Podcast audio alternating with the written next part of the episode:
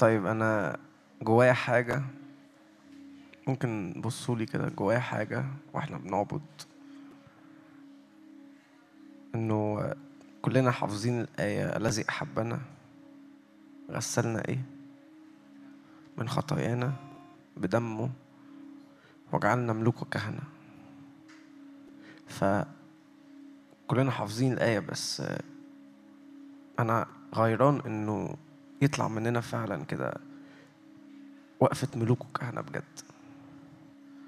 أنا نفسي بجد ندرك إنه عمل يسوع حقيقي جدا في الصليب. إنه حبنا ومحبة دي هي محبة كاملة. ما بت- ما بتنقصش ما بتتغيرش. هي محبة ثابتة. فحبنا للمنتهى. وم أقول تاني مش مش محبة مشروطة مش محبة مش محبة بتخلص محبة حقيقية وثابتة. وغسلنا من خطايانا. فأبقى مدرك كده أنا واقف طول الوقت بلا لوم في المسيح. أنا نفسي الجيل بتاعنا ده يبقى واقف وقفة ملوك بجد. لو أدركنا يعني إيه أحبنا غسلنا من خطايانا بس للأبد ما بتتغيرش. هنعرف نطلع للي بعديها. جعلنا ملوك وكهنة. لو أدركنا كم الحب اللي في قلب الرب. وكم القبول الغير مشروط اللي ما بيتغيرش ابدا.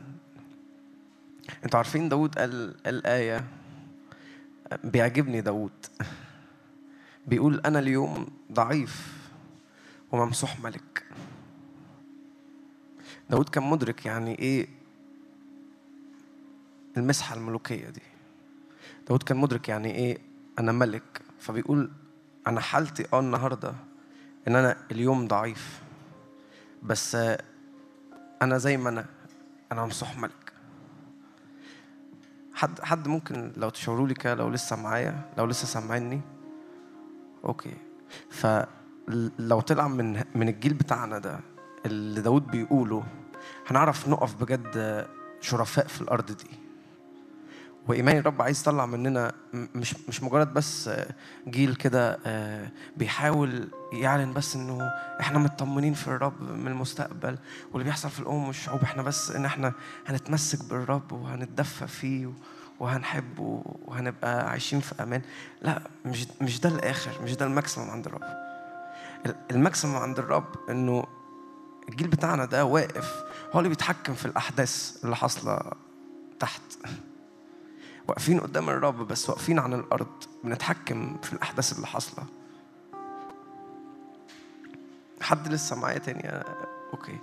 فإحنا إحنا هنا مش مجرد في اجتماع زي النهارده مثلا مش مجرد بس هنستقبل كده آه سلام و... وفي في المحبة بيهرب الخوف ولا خوف في المحبة. ده كده كده ده كده كده بيحصل. بس إحنا هنا عشان نقف ملوك عن الأرض. وده اللي عمله يسوع في الصليب ده الفدا. الفدا مش بس أحبنا وغسلنا من خطايانا. الفدا أحبنا غسلنا من خطايانا جعلنا ملوك وكهنة. يعني الباكج على بعضيها.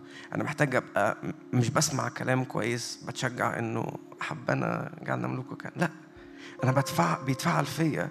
مهما يحصل في في الامم والشعوب أنا مش بس إن أنا واقف ثابت في الرب. دي بسيطة. مش بس إن أنا مطمن في يسوع. من المستقبل دي بسيطة. بس أنا من الحتة دي واقف ومطمن في يسوع. بس من قلب الرب بنتحكم إنجاز التعبير. بن- بنعلن ملك الرب في الأرض. بنغير الأحداث اللي مش في قلب الرب إنها تبقى حاصلة. بنغيرها عشان تحصل في قلب الرب.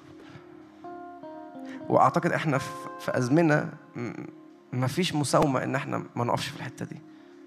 مفيش مساومة إن إحنا نيجي بس عشان نتشجع شوية عشان نطمن شوية عشان نفرح شوية. مفيش مساومة. الأزمة اللي إحنا فيها دي مفيش مساومة إنه مجرد بس شجعني آه، انقلني آه، لا. الرب عايز يطلع مننا فعلا ملوك بجد في الأرض. وفاكرين الآية اللي قلتها من شوية بتاعت داود؟ أنا اليوم إيه؟ أنا اليوم ضعيف. وممسوح ملك. هو ده الشك شكل ال- ال- الجيل اللي الرب عايز يطلعه. حتى لو أنا اليوم ضعيف بس أنا كده كده ممسوح ملك. حتى لو اليوم ضعيف بس كده كده في نعمة زيادة ليا وأنا ضعيف. عشان كده حينئذ أنا ضعيف فأنا قوي. عشان كده إنه قوتي في الضعف بتوصل لل maximum بتوصل لل fullness. ليه؟ لأنه في نعمة من الرب طول الوقت ومش نعمة بس على قد إن أنا أتشجع وأتبسط وأتعزى وأتملي سلام وأعدي من الكعبة اللي أنا فيها، لأ في نعمة مسكوبة علينا لأجل إن إحنا نقف وقفة ملوكية بجد للي حاصل في الأرض واللي حاصل في الأحداث. والوقت ده مهم جدا جدا جدا. العالم بيصرخ بره مستنينا. العالم بيصرخ بره مستني صلواتنا بجد. مستني تمخضاتنا بجد إنه نقف عن الأرض. أنا أنا عارف إن أنا بدأت يعني خبط شوية بس بس ده اللي جوايا. ومفيش مساومة إن إحنا ما نبقاش في الحتة دي طول الوقت. جه وقت إن إحنا نطلع بره نفسنا كده و... و... ونتدفى في الرب ونحبه قوي ون... ونتحد بيه قوي ونلزق فيه قوي. بس من الحتة دي بنعلن ملك الرب في الأرض وبنعلن ملك الرب في الأحداث. وفي السياسة وفي الاقتصاد وفي الأمم والشعوب ويحصل حاجة بصلواتنا وبوقفتنا. أمين؟ أمين؟ و... وخبر مشجع إنه عند الرب لو حد بيحس الكلام ده إنه أنا حاسس إنه الكلام ده بعيد شوية عند الرب يقول لك آخرون بيصلون أولون افرح جدا لو أنت حاسس انه انه إنه الكلام ده بعيد لأنه الرب بيجري بينا في الأزمنة دي لأنه العالم محتاجنا جدا جدا جدا. ودي نعمة فنعمة يعني مجانا. نعمة يعني كده كده ما نستحق ما نستحقهاش ما نستاهلهاش. بس هي الرب دافعها لينا إن إحنا نقف عشان ملكه في الأرض. تيجوا نقف كده كلنا وإحنا بنبدأ عبادة. وخد دقايق كده غمض عينك.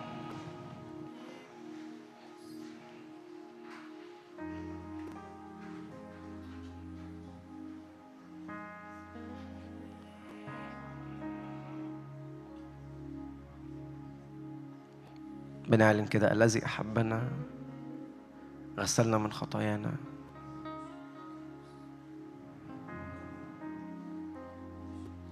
جعلنا ملوك وكهنة.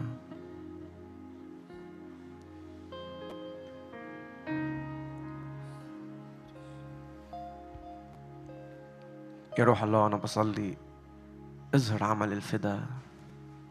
اتجلى بالفدا اتجلى بالصليب. اتجلى بروح القيامة اتجلى اتجلى بالروح الملوكية فينا.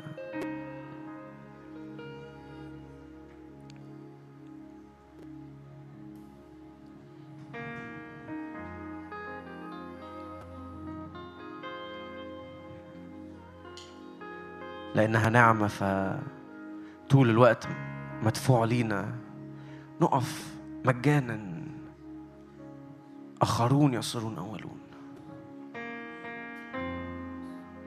أنا اليوم ضعيف وممسوح ملك.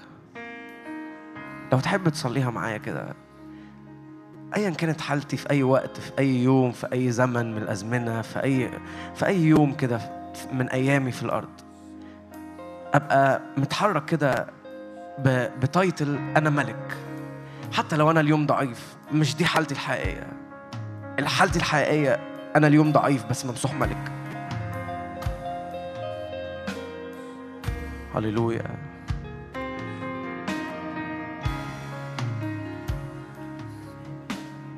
يسوع أنا بصلي حبك يغطينا عمل الفدا يغطينا برك يغطي كل حتة فينا باسم رب يسوع. أنا بصلي تتجل تتجلي نعمتك يسوع فينا. بصلي إنه حضورك يتجلى حبك يتجلى نعمتك تتجلى فينا.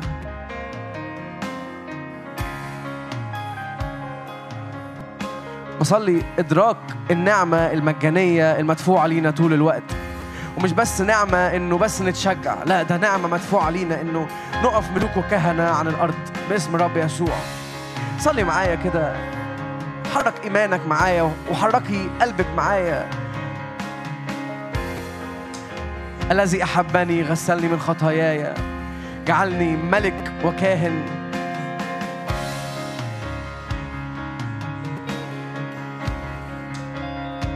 وإله كل نعمة يمكنكم يثبتكم يقويكم. إلى يوم مجيئه لأنها نعمة مجانية فإلى يوم مجيئه. بيقوينا بيثبتنا بيمكننا. بيملأنا قوة بيملأنا سلطان ليوم مجيئه صلي معايا في نعمة مدفوعة إنه ليوم مجيئه بطرس بيقول كده. ليوم مجيئه هللويا.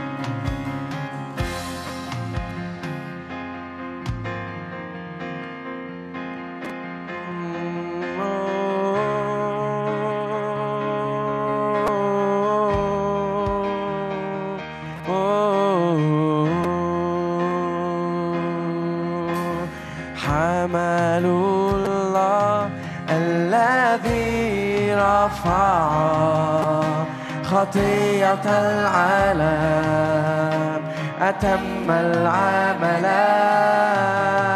حمل الله الذي رفع خطية العالم.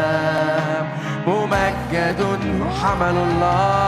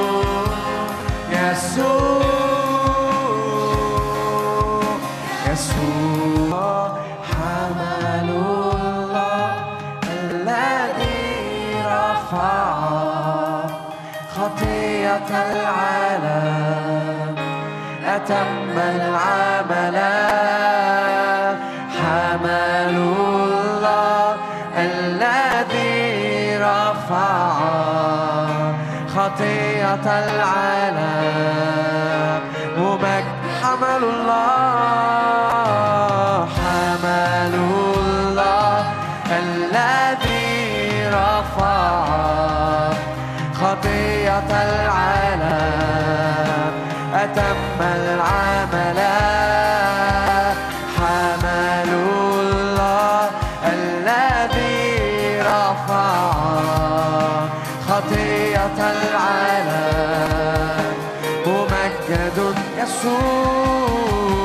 é sua.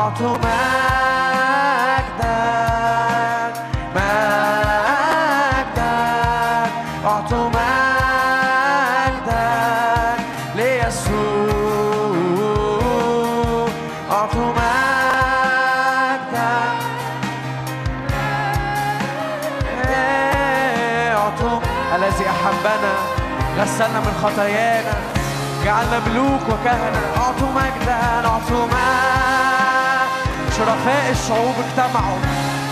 شرفاء الشعوب اجتمعوا. أعطوا مجدا ليسوع. أعطوا مجدا أعطوا مجدا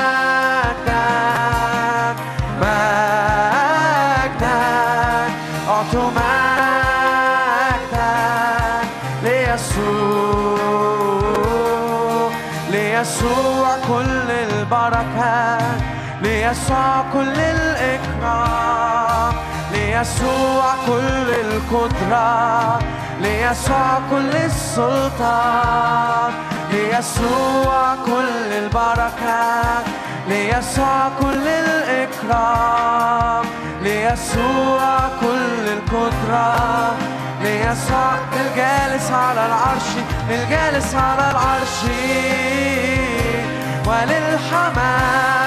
وللحماد البركة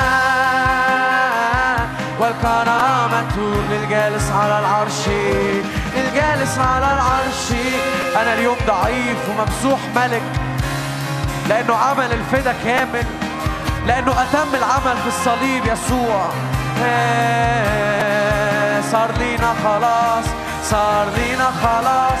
صار لينا فداء. صار لينا حياة. بدم الحمال. صار لينا خلاص. صار لينا فداء. صار لينا حياة. بدم. بننفض كل رداء قديم.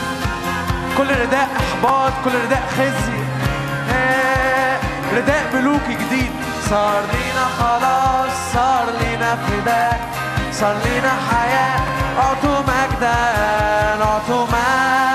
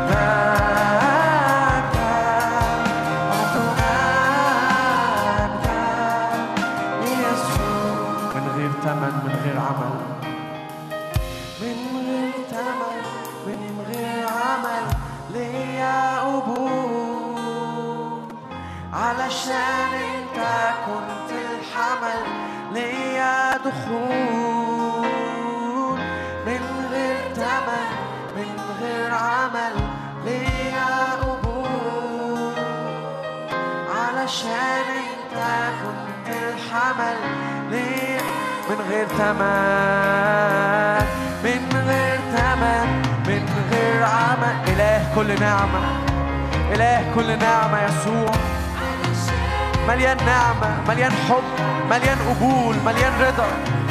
من غير تمن من غير تمن من غير عمل ليا قبول.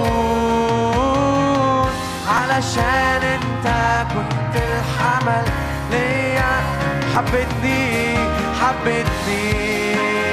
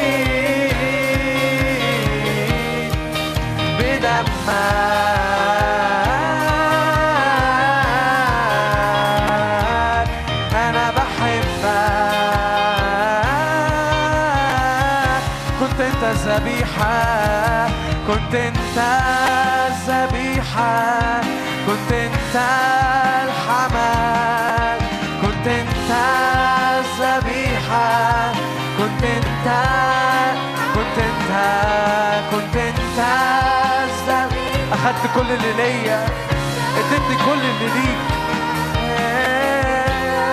أخدت طبيعتي اديتني طبيعتك الإلهية. أعطوا مجدا أعطوا مجدا.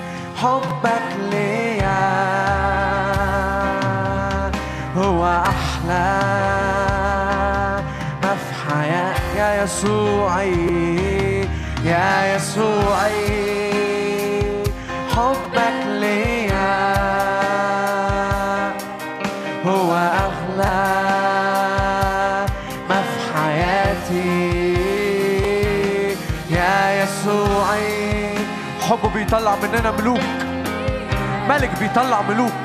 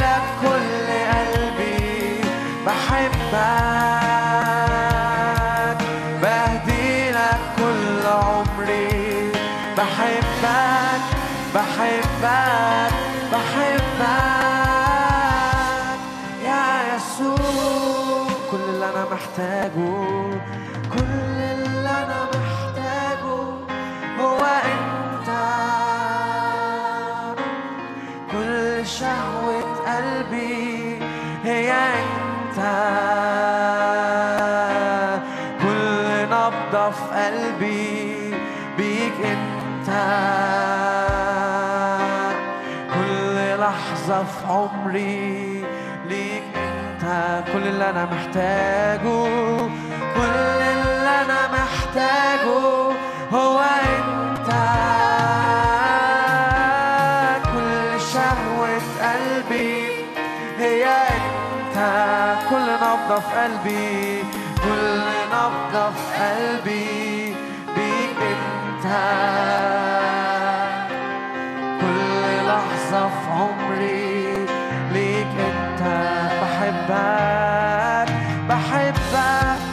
كل قلبي.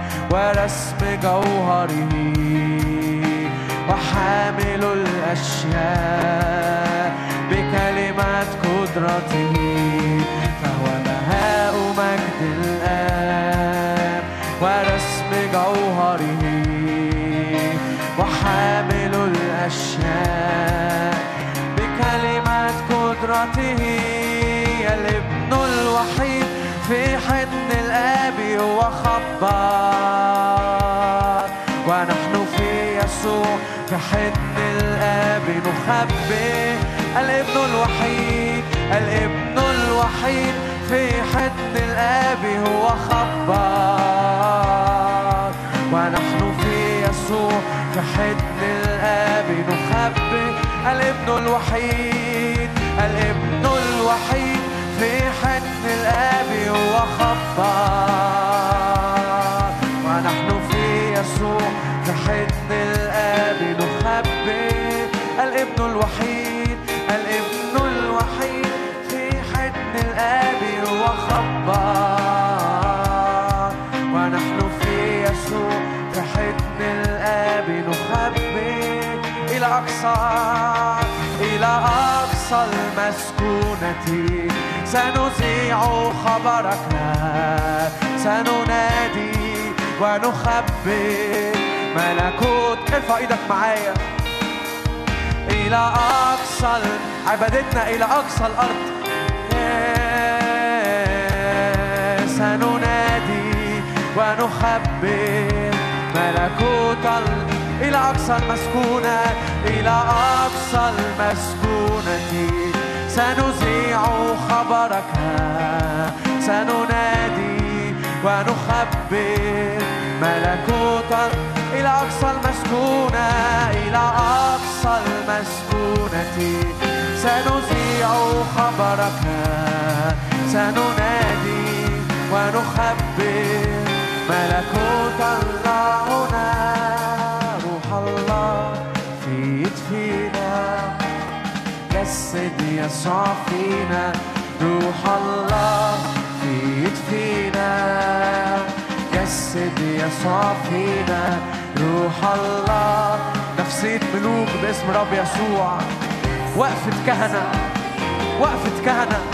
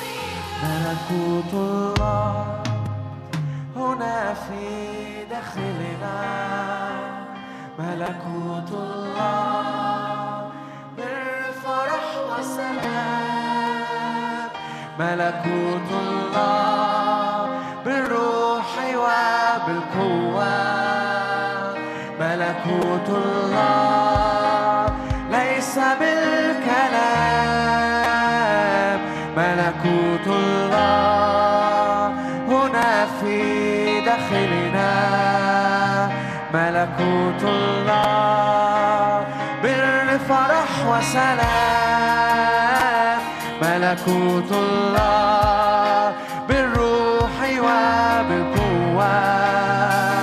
ملكوت الله ليس بالكلام. لنا وصية العهد الجديد لنا وصية العهد الجديد. يسوع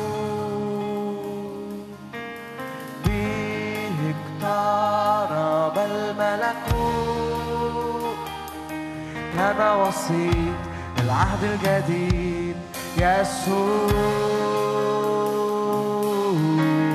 به اقترب الملك لنا وصية لنا وصية العهد الجديد يسوع. اقترب ملكوت السماوات بقى في متناول إيدينا. بقى جوانا. ها ملكوت الله دخلكم لنا وصية العهد الجديد ملكوت الله ليس بكلام بل بقوة بل بسلطان. به اقترب افتح عيوننا. افتح عيوننا. ندرك ملكوتك. ما لم تر عين.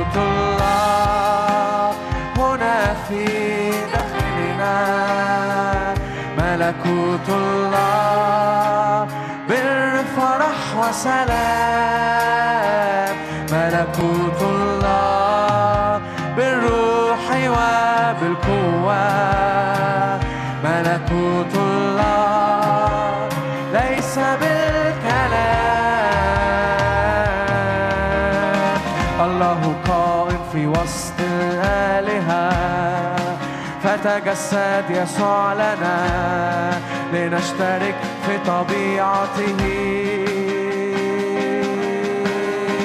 الله قائم في وسط الآلهة. فتجسد يسوع لنا لنشترك في طبيعته. الله قائم. الله قائم في وسط فتجسد يسوع لنا لنشترك في طبيعته.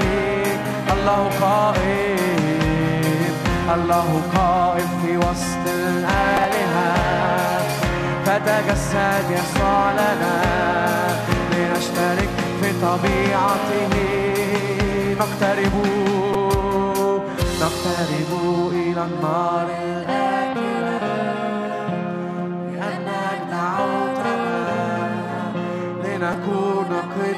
قديسين نقترب إلى النار الآكلة. فتجسد يسوع لنا قديسي نقترب إلى النار الأكلة. نقترب إلى النار الأكلة. لأنك دعوتنا لنكون قديسي نقترب نقترب إلى النار الأكلة لأنك دعوتنا لنكون قديسين أنزلت معك. أنزلت معك كل السماء. وأصعدتنا معك لنصير متحدين. أنزلت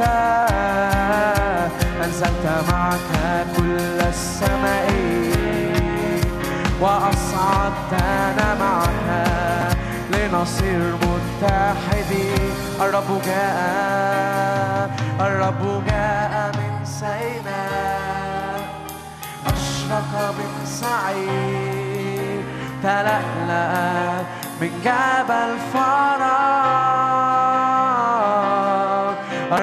جاء من سيناء أشرق من سعير تلألأ من جبل فراغ أهيا الذي أحيا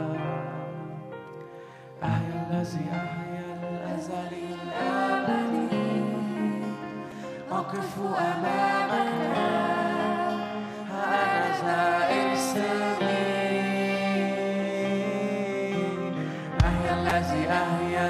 الأزلي الأبدي أقف أمامك.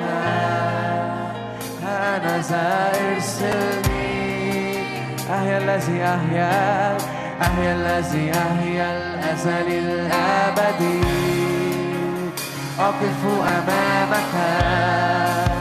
أنا ذا ارسلني أهيا الذي أحيا أهيا الذي أحيا ها أنا ذا أرسلك لفرعون يا موسى. أرسلك لفرعون لأني جعلتك إلها لفرعون. أهيا الذي أهيا أهيا الذي أهيا. بصلي الإله الغير محدود يتجلى فينا. كلية السلطان كلية القدرة. أهيا الذي أهيا لا, لا محدودية باسم رب يسوع. لا محدودية فينا لا محدودية لا انحصار باسم رب يسوع في دوائر صغيرة. أهيا الذي أهيا إلى أقصى الأرض. أهيا الذي أهيا الأزل الأبدي أقف أمامك. ها أنا ذا ارسل أهيا الذي أهيا. أهيا الذي أهيا أزل الأبدي أقف أمامك. ها أنا ذا ارسلني الرب جاء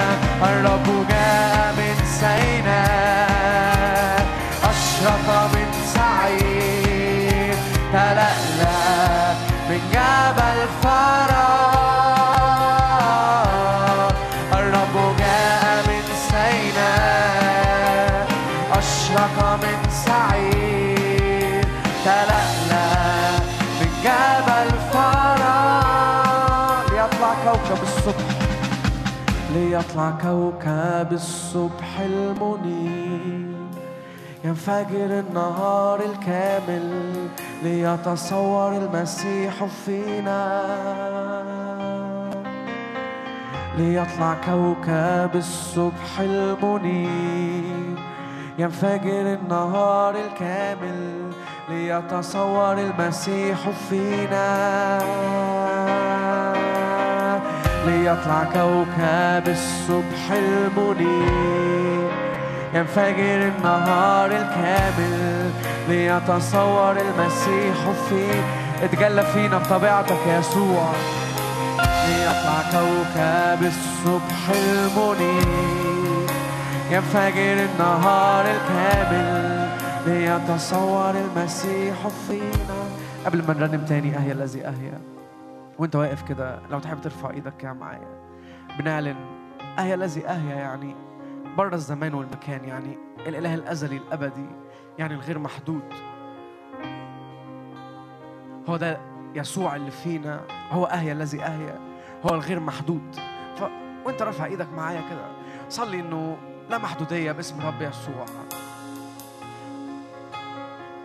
كل ملء الله إلى كل ملء الله. نعرف محبة المسيح الفائقة المعرفة. فنمتلئ إلى كل ملء الله. يوحنا في سفر الرؤيا. شاف يسوع الأسد الغالب وشاف يسوع الحمل. هو ده كل ملء الله.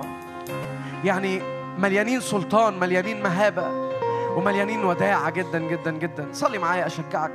تتجلى صورة المسيح فينا.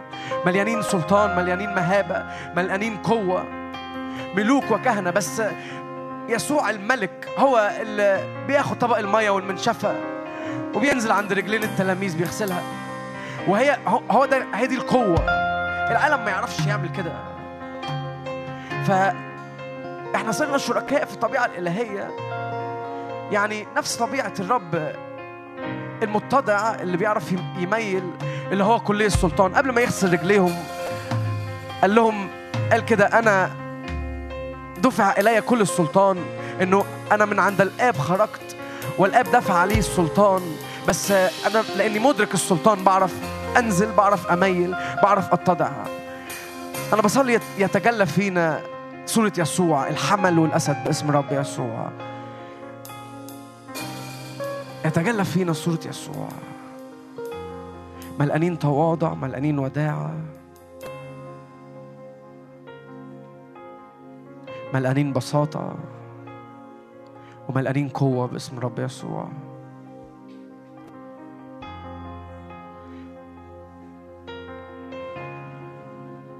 عشان كده بيقول أرسلكم كحملان في وسط ذئاب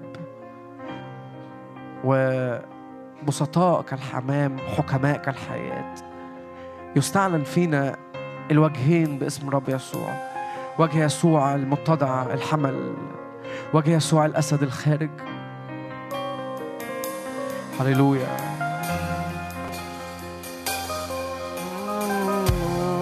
تعال نقول تاني أهيا الذي أهيا اتساع باسم رب يسوع لا محدودية. واقفين قدام الإله الأزلي الأبدي. أهيا الذي أهيا الأزلي الأبد. بره الزمان والمكان. أقف أمامك. أنا ذا ارسلني أهيا الذي أهيا الأزلي الأبدي. أقف أمامك. ها أنا ذا ارسلني أهيا الذي أهيا أهيا الذي أهيا الأزلي الأبدي. أقف أمامك. كل ملء الله. كل ملء الله. كل ملء الله.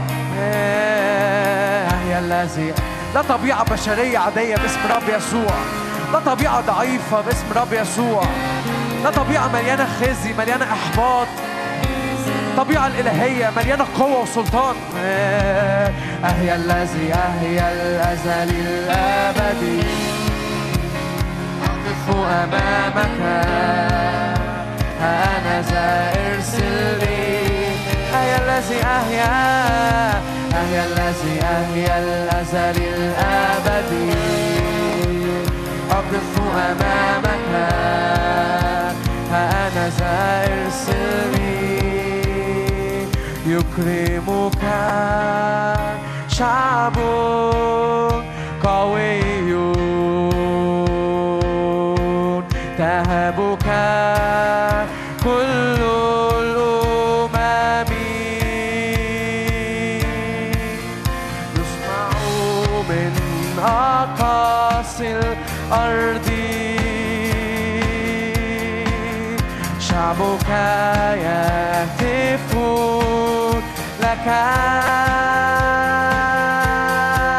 مجدا للبار مجدا للبار مجدا للبار.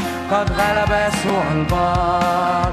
مجدا للبار مجدا للبار مجدا للبار. قد ملك رب السماء رب السماء. في العلا حافظ العهد. هو يحكم.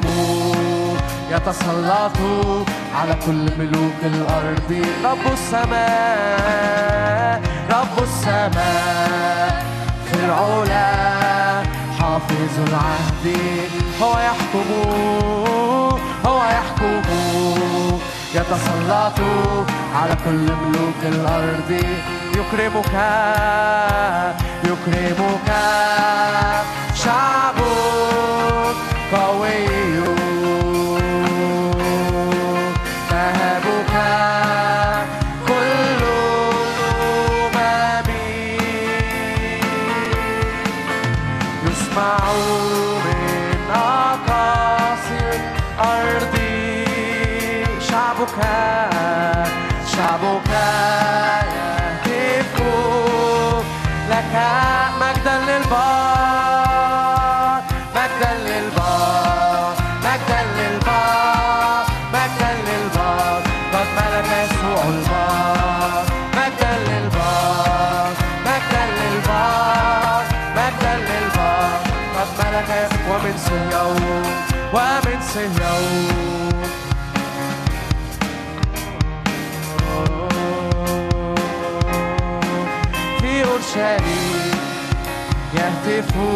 ربوات ألوف بمجد ومن صهيون ومن صهيون قد ملك رب الجند في أورشليم يهتف ربوات شيوخ بمجد قد ملك شعب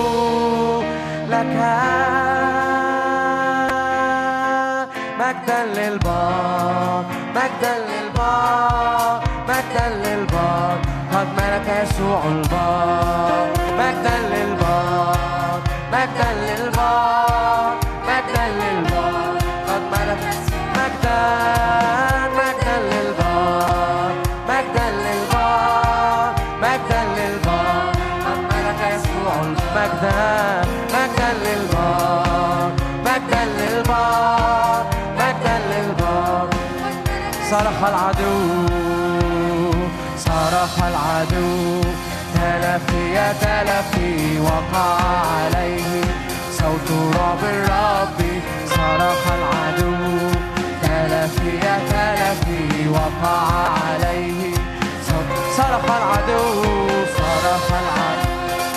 تلفي يا تلفي وقع عليه صوت رعب صرخ العدو صرخ العدو.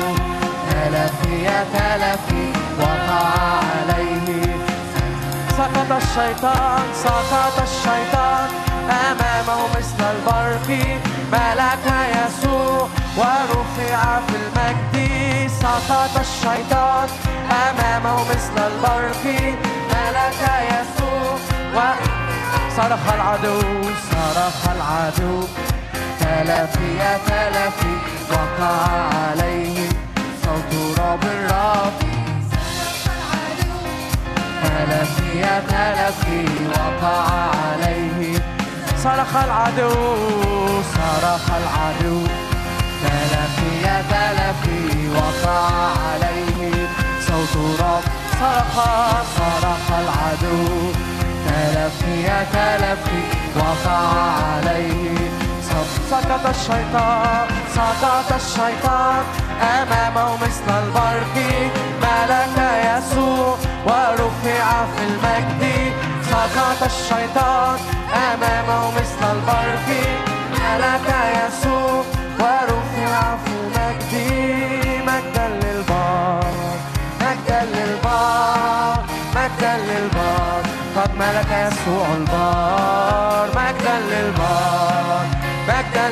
للبار مجدا للبار قد ملك يسوع البار نعلن انتصارنا جهارا لا نخاف العاتي قد بات نعلن نعلن انتصار جهارا لا نخاف العاتي قد بات نعلن انتصارنا نعلن انتصارنا جهارا لا نخاف العاتي قد بات نعلن انتصارنا نعلن انتصارنا جهارا لا نخاف العاتي قد بات وفاني المستهزئ وفاني المستهزئ.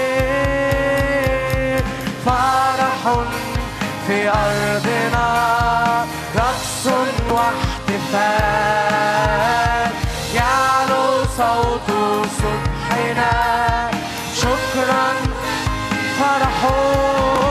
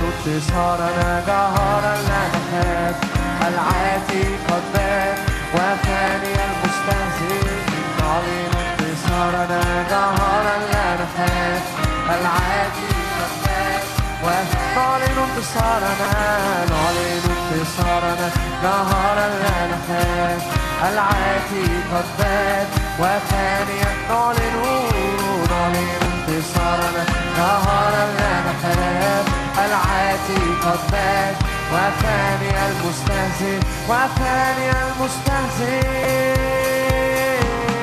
فرح في أرضنا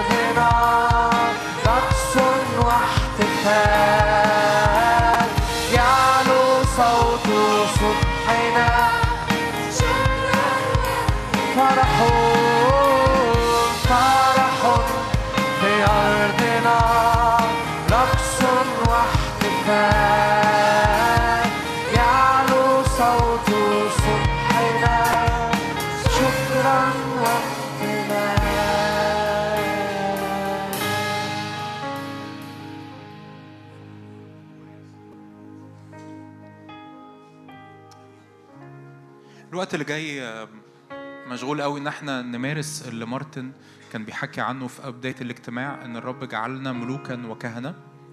فنقدم بس عبادة كده للرب ونعلن إن هو فوق كل رياسة وسلطان وقوة وسيادة وكل اسم يسمى. ليس في هذا الدهر فقط. وهنصلي شوية لأجل اللي حاصل حوالينا في البلد وفي المنطقة. والشعوب اللي حوالينا ويمكن نتقسم ونصلي مع بعض. بس شاعر كده انه إنه آه، محتاجين نرفع الملك.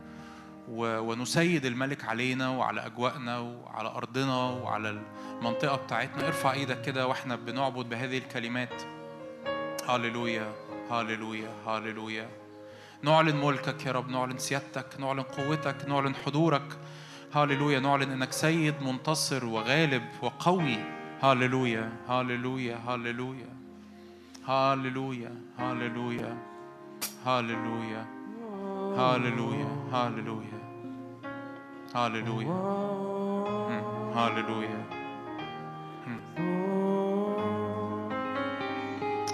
فوق كل قوة ورياسة فوق كل اسم وسيادة أنت قائم جالس في السماوات. تخضع لك كل الأشياء فوق كل قوة ورياسة. فوق كل اسم وسيادة. ارفع إيدك ومجد الملك. أنت قائم. أنت قائم wow.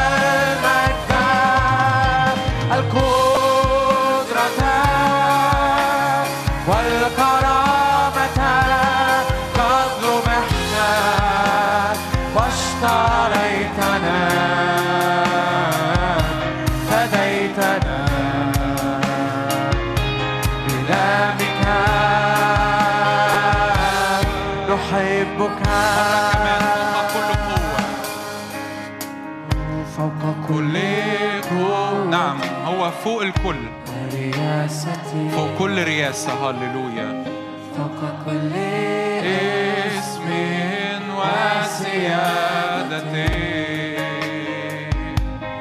أنت قائم جالس في السماوات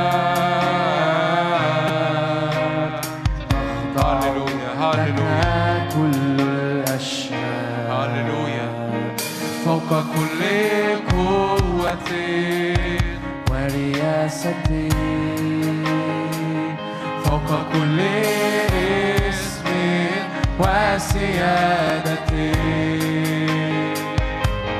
أنت قائم جالس في السماوات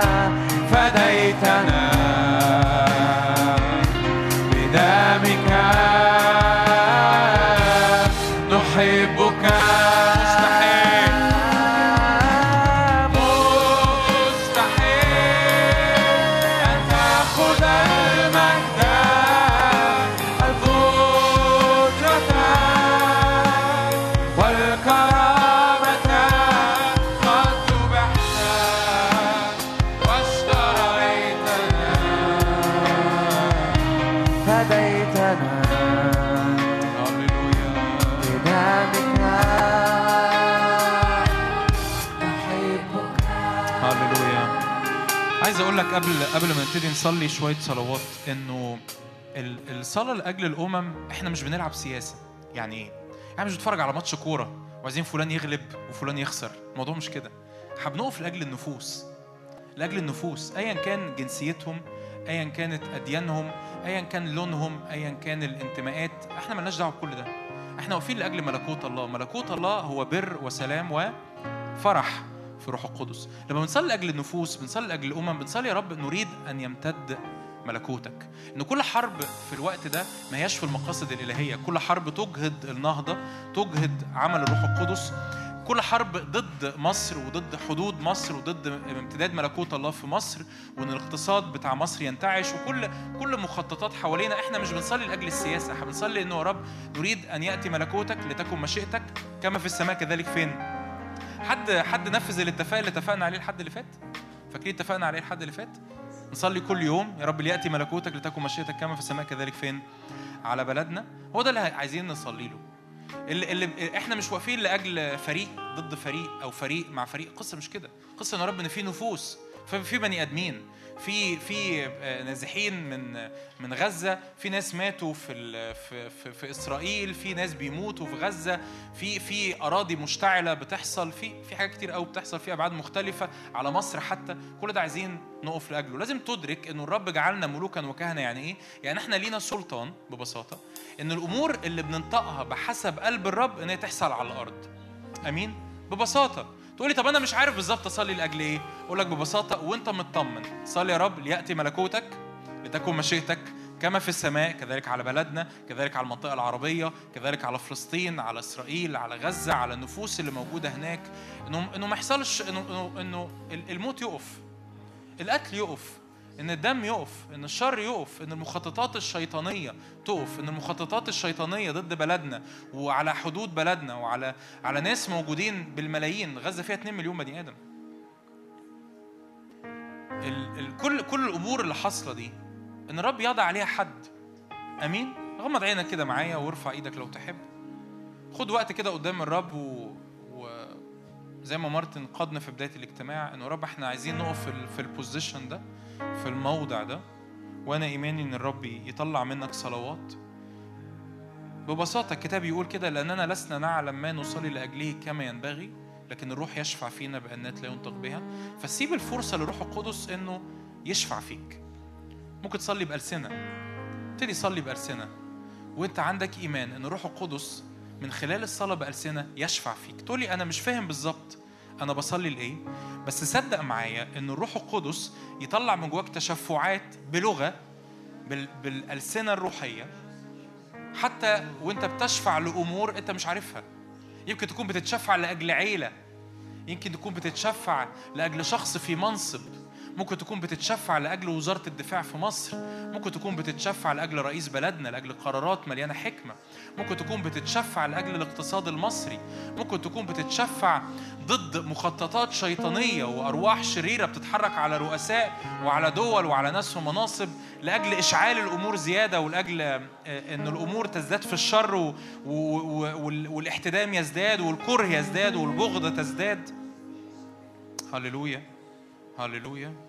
يا رب شكرا لأنك طلبت طلبت من بيننا رجلا ليقف في الثغر ويبني جدارا. ويا رب أشكرك لأنه في في رجل أهو واقف واقفين يا رب في المسيح يسوع الآن بنبني جدارا ونقف عن الأرض اللي لا تخربها في اسم رب يسوع. هللويا. أورا رشير الرب هالو بابروش. ما تستناش مني صلوات ما تستناش مني صلوات لكن ادي المساحة للروح القدس. ادي المساحة للروح القدس إنه يخرج منك الصلاة ويخرج منك التشفع. تقول لي يعني اعمل إيه؟ أقول لك يعني وانت بتصلي بالسده ممكن ممكن تلاقي روح القدس رمى فكرة في ذهنك. إنه صلي لأجل رئيس البلد فترفع إيدك تعلن كده يا رب في اسم يسوع. أنا بعلن حكمة بعلن قيادة لرئيس بلدنا في اسم الرب يسوع. بعلن حكمة لكل من هو في منصب. تخيل كم الضغط السياسي والعسكري اللي موجود النهارده على مصر. كم الضغط اللي على رئيس بلدنا كم الضغط اللي على الجيش لأجل قرارات ممكن تكون غير حكيمة أو ممكن تكون بره المشيئة الإلهية. ارفع إيدك كده يا رب اطلب حكمة بنعلن حكمة بنعلن قيادة بنعلن مشورة سماوية. اوعى تبقى قاعد في القاعة وتقول أنا مالي أنا ماليش دعوة أنا جاي النهارده أتشجع. اقف اقف دي, دي لأجل بلدك. واقف لاجل المنطقة اللي إحنا عايشين فيها واقف لأن ده تكليف إلهي انه رب جعلنا ملوكا وكهنة. يا رب نطلب حكمة بنطلب بنطلب تأييد سماوي. روح الله بص... بنصلي لأجل مشيرين يتكلموا بمشورة سماوية حوالين الرئيس. في اسم الرب يسوع مشيرين يتكلموا بمشورة سماوية لكل من هو في منصب لأجل الجيش لأجل القوات المسلحة لأجل حدود بلدنا لأجل قرارات ليها علاقة بفتح المعابر أو قفلها لأجل قرارات ليها علاقة بدخول المساعدات لغزة في اسم الرب يسوع. يا رب ارسل ملائكتك ال ال إحدى الاختبار أو أو الاختبارات المتكررة كتير جدا اللي كانت حاصلة مع الشعب السوري في وقت الحرب إن المسيح كان بيظهر لكتير جدا من العائلات وهم هربانين. فارفع إيدك يا رب اظهر لأهل غزة وهم هربانين.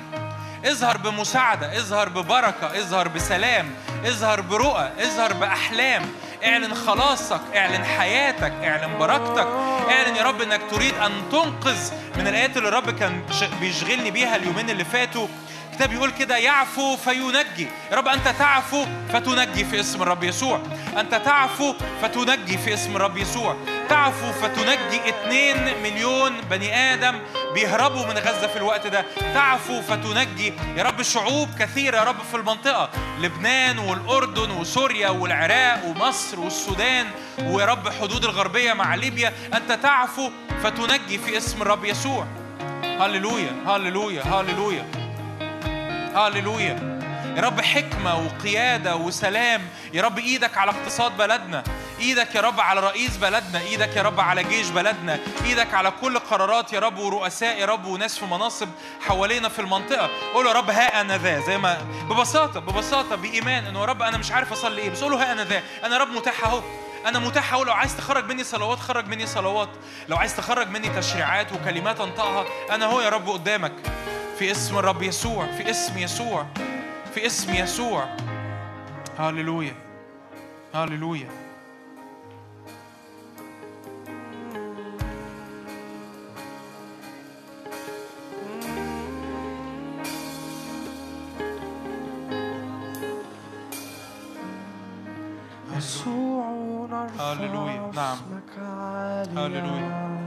فوق كل اسم. يسوع نرفع هاليلويا هو فوق كل اسم. البهاء والجلال لك وحدك. يا يسوع نبارك اسمك. يسوع.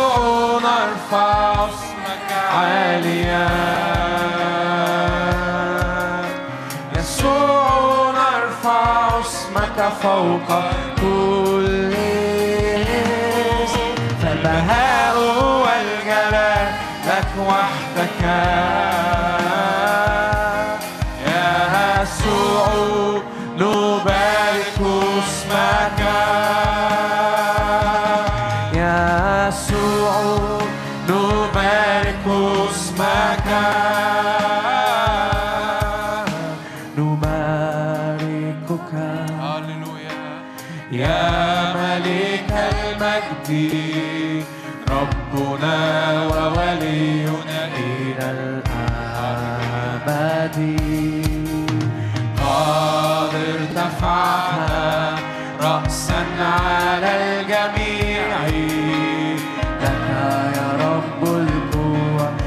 Power.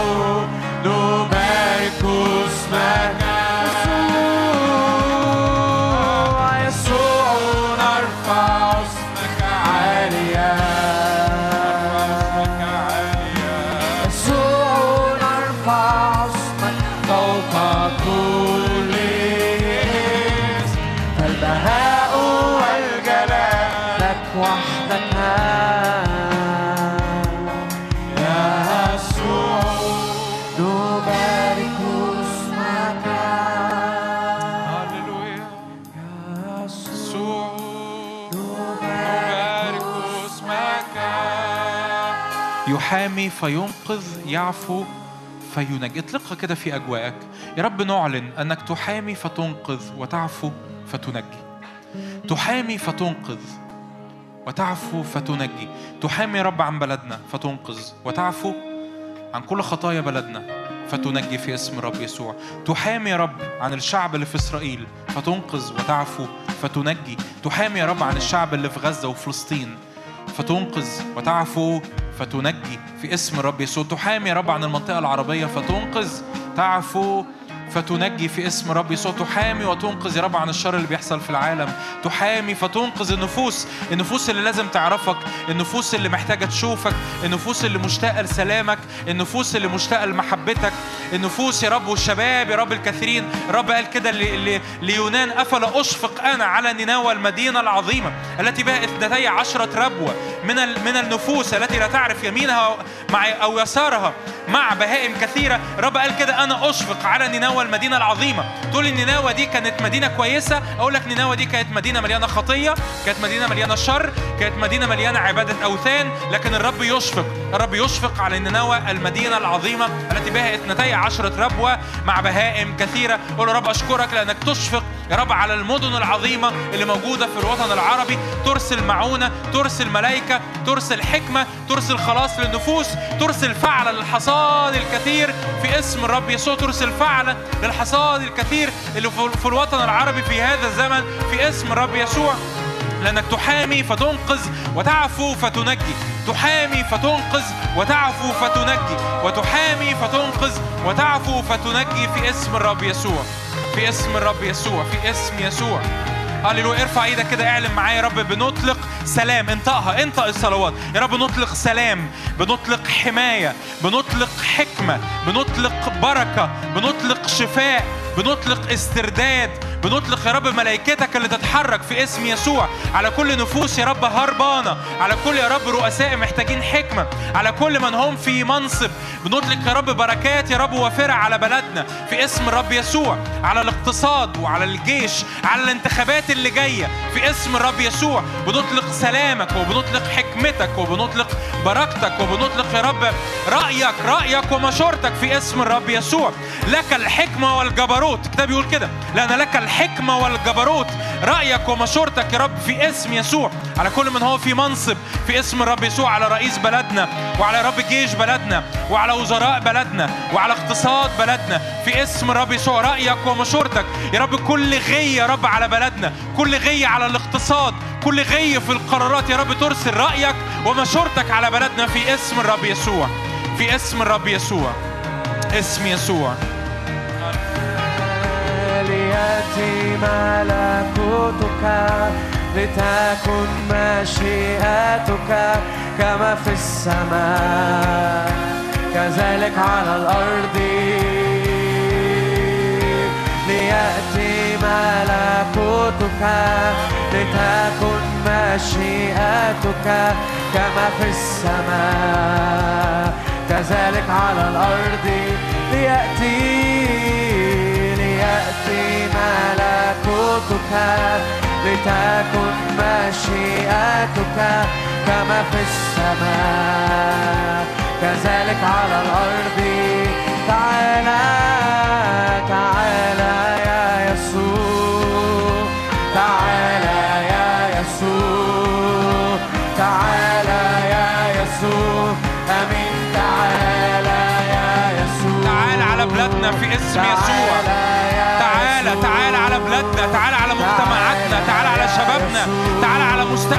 تعطي آخرة ورجاء في اسم يسوع. في اسم يسوع. هللويا. روح روح النعمة والتضرعات بيطلق هللويا. روح النعمة والتضرعات بيطلق هللويا. هللويا. هللويا. تعالى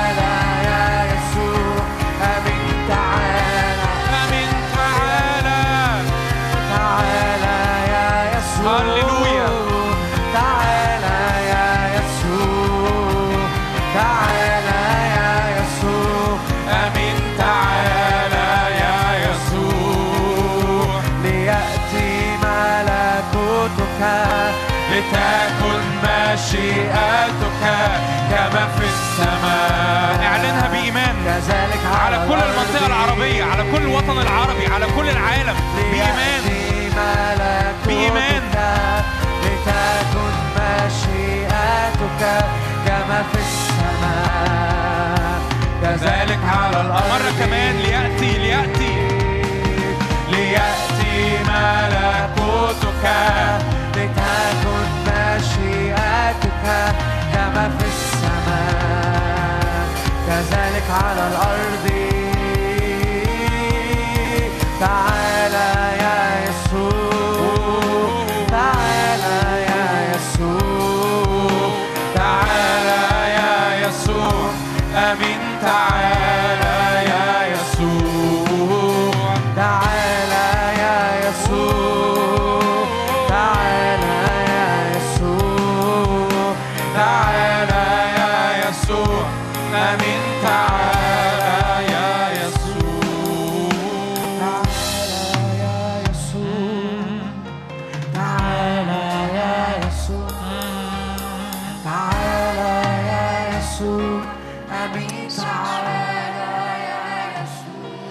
يسوع الكتاب يحكي لنا في زكريا 12 عن حاجة اسمها روح النعمة والتضرعات. وده إظهار من إظهارات الروح القدس اللي الرب بيسكبها علينا على أولاده وبناته.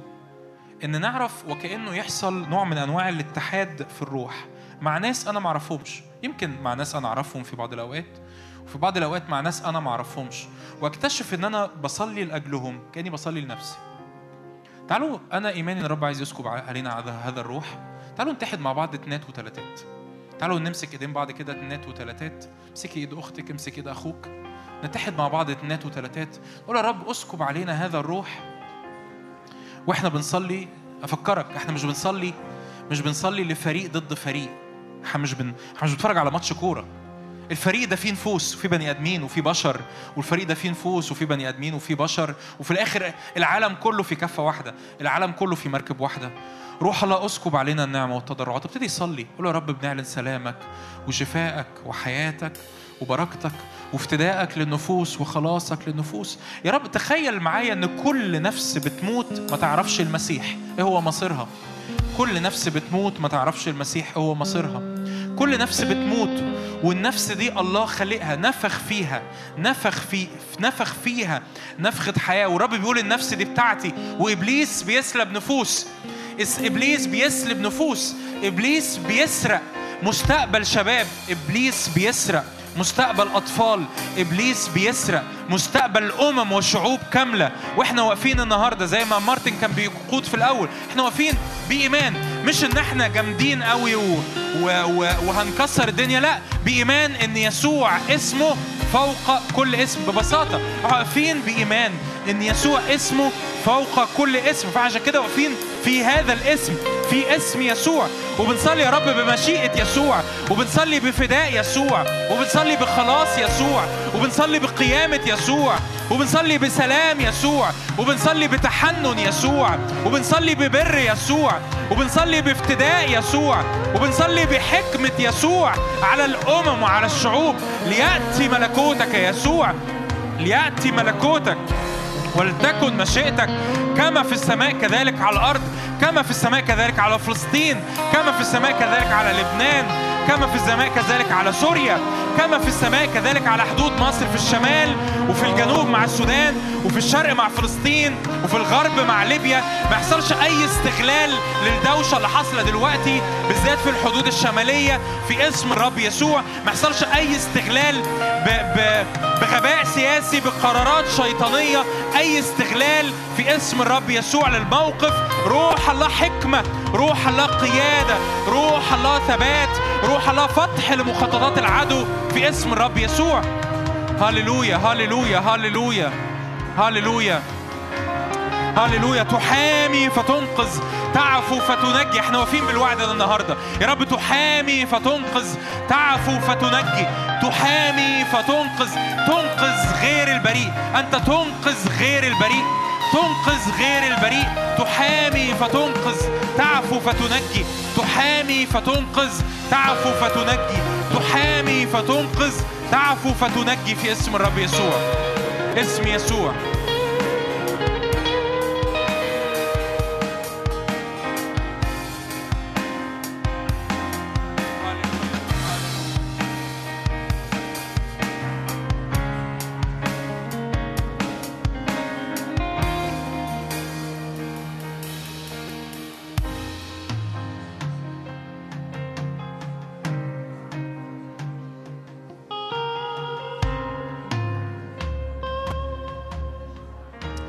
رب أنا بقبل التكليف يا رب مش بس في الاجتماع. أنا بقبل التكليف لما بعد الاجتماع. أنا بقبل التكليف خلال أسبوعي. بقبل التكليف خلال مستقبلي. أنا رب شكرا لأن جزء من جيناتي كابن الله. إن أنا ملك وكاهن. هللويا. إن صلواتي مؤثرة. صلواتي تصل إلى أقصى الأرض. صلواتي تصل إلى السماء أمام عرش النعمة. وبتأتي باستجابات على الأرض في اسم الرب يسوع. اسم يسوع. اسم يسوع. اسم يسوع.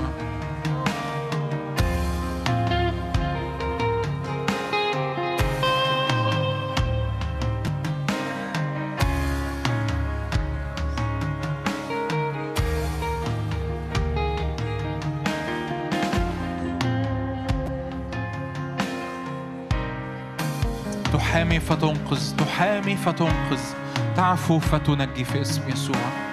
تحامي فتنقذ تعفو فتنجي. تحامي فتنقذ تعفو فتنجي. تحامي فتنقذ تعفو فتنجي. في اسم يسوع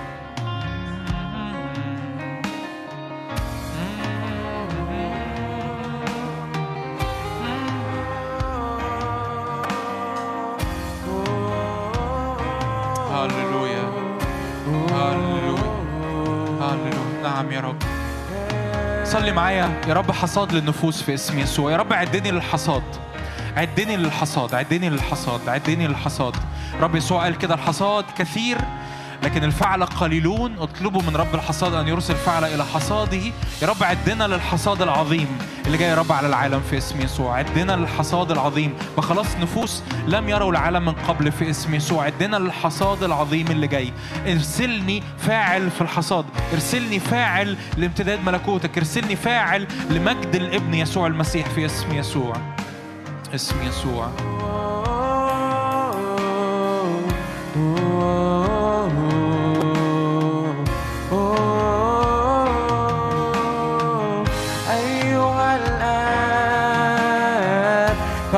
قد أتت الساعة مجد ابنك مجد يسوع. أيها الآن قد أتت الساعة مجد ابنك مجد هللويا. مجد يسوع. أيها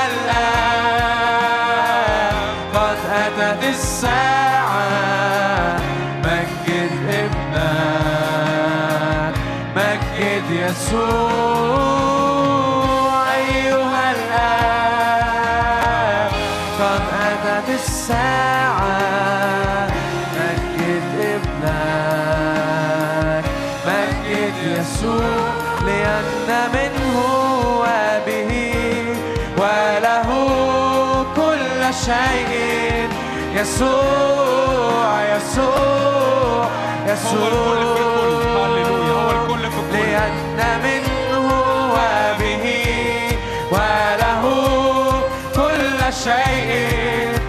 يسوع يسوع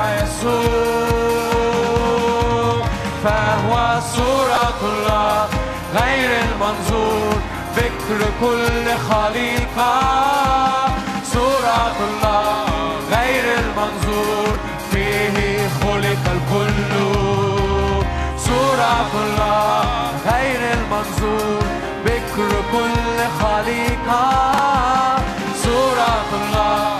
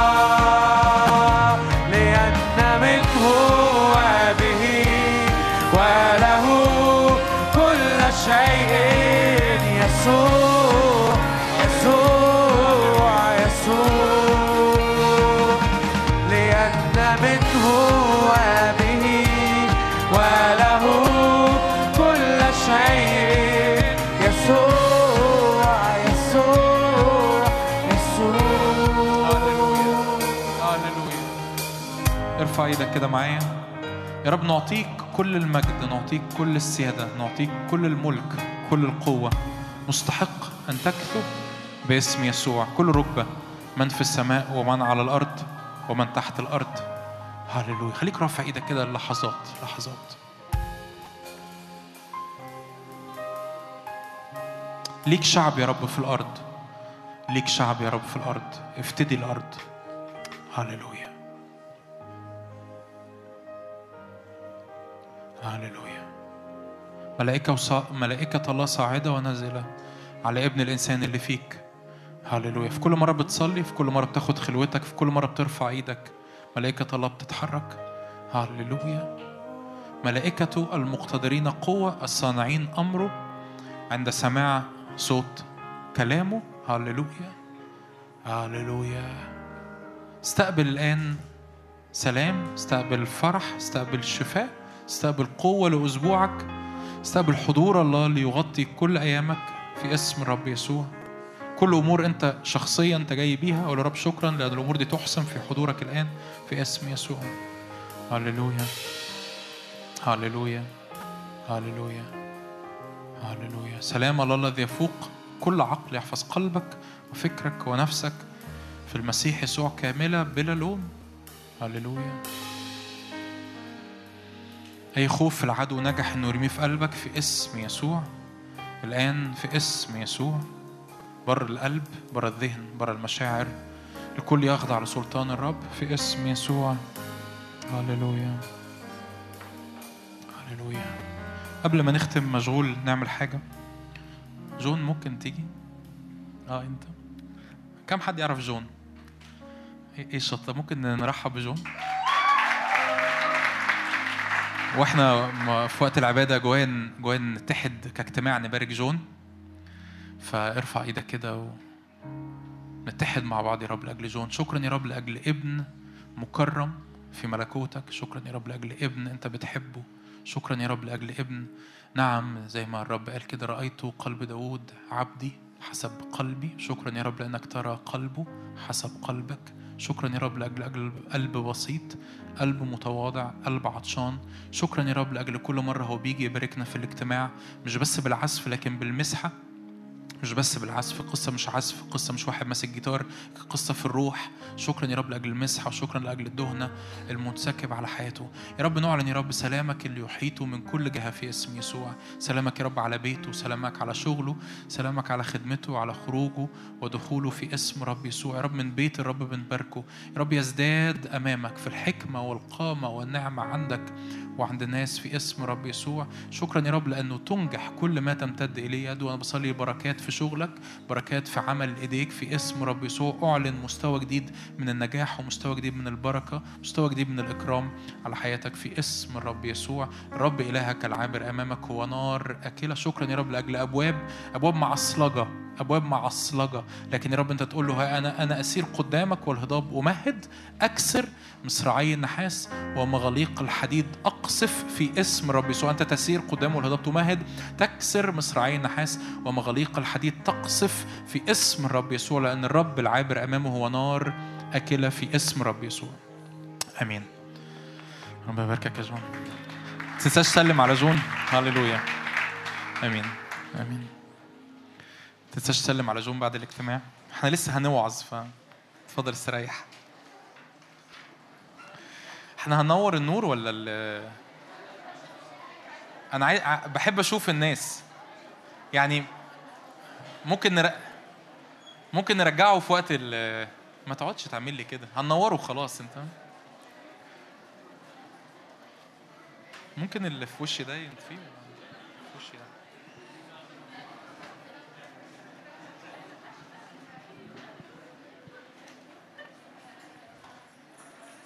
مساء الخير. منورين. أمير وروز. نرحب بله.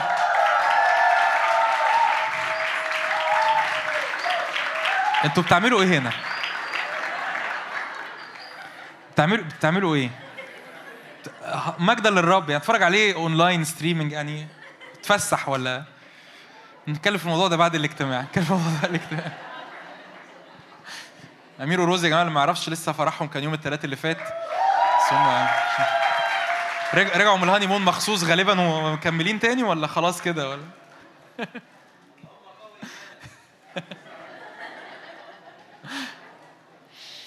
أمين أمين. أشجعك أشجعك لو أنت مش بتتابع الاجتماعات بتاعه ال- الحياة الجديدة. إحنا أهلا بيك. ده اجتماع اسمه اجتماع الشباب بتاع خدمة الحياة الجديدة. فلو أنت مش بتتابع الاجتماعات بتاعت السبت والأربع أشجعك تحديدا طبعا اسمع الاجتماعات عموما بس تحديدا اسمع الاجتماعات السبت اللي فات على طول اللي هو اللي هو امبارح والأربع اللي فات على طول. أشجعك إنك تسمعهم. لو بالنسبة لك اللي حصل من شوية إن إحنا الصلاة لأجل الأمم والصلاة لأجل النفوس وكل ده بالنسبة لك غريب أو أو يعني كأنه محتاج تتعلم أكتر عنه أشجعك تحديدا إنك تسمع الاجتماعات اجتماع امبارح. واجتماع الأربع اللي فات هتلاقيهم بقى على ال SoundCloud بتاع الخدمة هتلاقيهم على اليوتيوب هتلاقيهم على الفيسبوك هتلاقيهم في كل حتة يعني. فاشجعك إنك تسمعهم وتتعلم وتسمع من دكتور نادر وتتعلم إزاي ده جزء من الدعوة على حياتنا إن إحنا نكون بنصلي لأجل الأمم ولأجل الشعوب وبالأولى البلد اللي إحنا عايشين فيها. آمين؟ آمين. تعالوا نفتح مع بعض سفر الأعمال إصحاح 28 شاهد مشهور عايز أبتدي بيه ممكن تكون سمعتني بوعظ عنه قبل كده بس هبتدي بيه بس عشان أوصل حتة معينة ونتحرك منه. سفر الأعمال إصحاح 28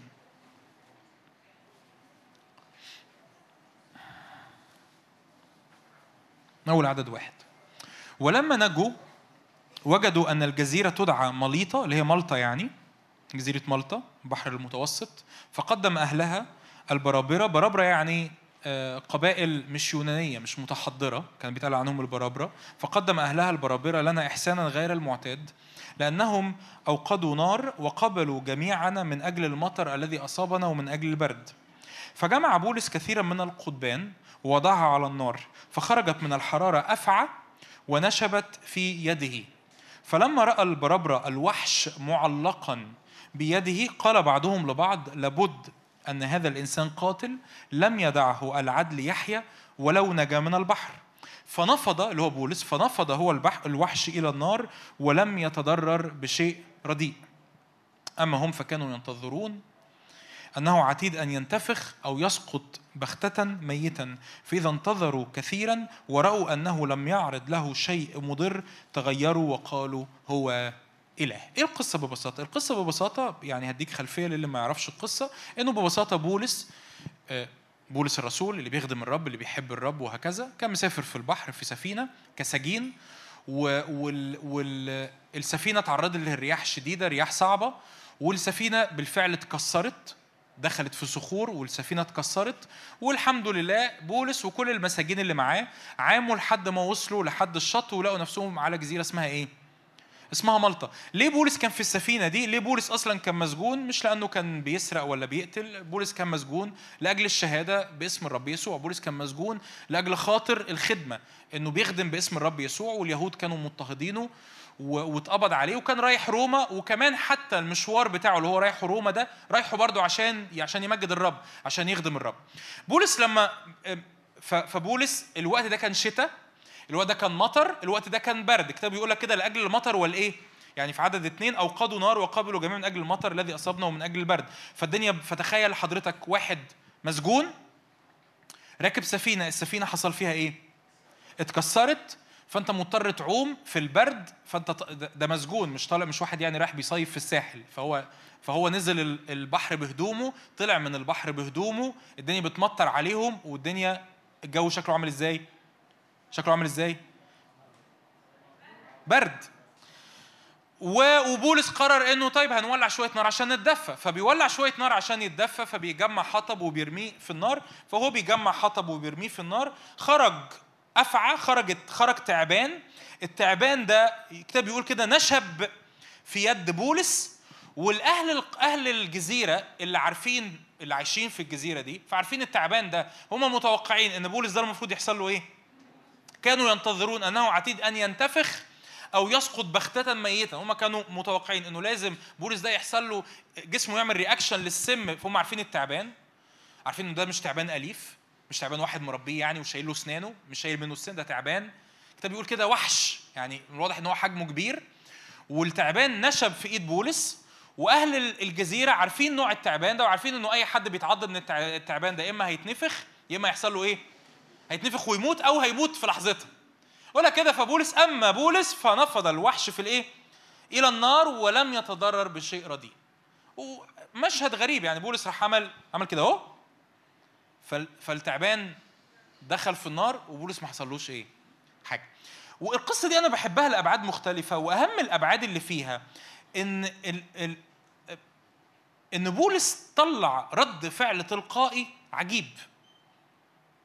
سهل قوي إنك تركز في ردود أفعالك وقت ما تكون آه واعي أنت المفروض بتعمل إيه. يعني أنا طالع بوعظ فأنا بشكل ما هبقى مركز قوي أنا بعمل إيه وما بعملش إيه إيه الكلام اللي بيخرج من بقي ردود أفعالي شكلها عامل إزاي لأن أنا طالع قدامك أنت بتتفرج عليا وباصص لي فبوعظ. لكن بولس هنا ما كانش في مشهد إنجاز التعبير المفروض يكون مركز بل بالعكس ده المفروض يكون مش مركز خالص وده الحقيقي. يعني إيه مش مركز؟ يعني هو هو هو راجل مسجون طالع من البحر مبلول الدنيا بتمطر والجو عامل إيه؟ برد. وقرر إنه يلم حطب عشان يتدفى. فأنا لو مكان بولس أبسط حاجة هسأل نفسي سؤال هو لا أنا ليه بيحصل فيا كده؟ إيه يا رب أنت مش شايف؟ إيه يا رب أنت مش سامع؟ إيه يا رب أنت مش حاسس؟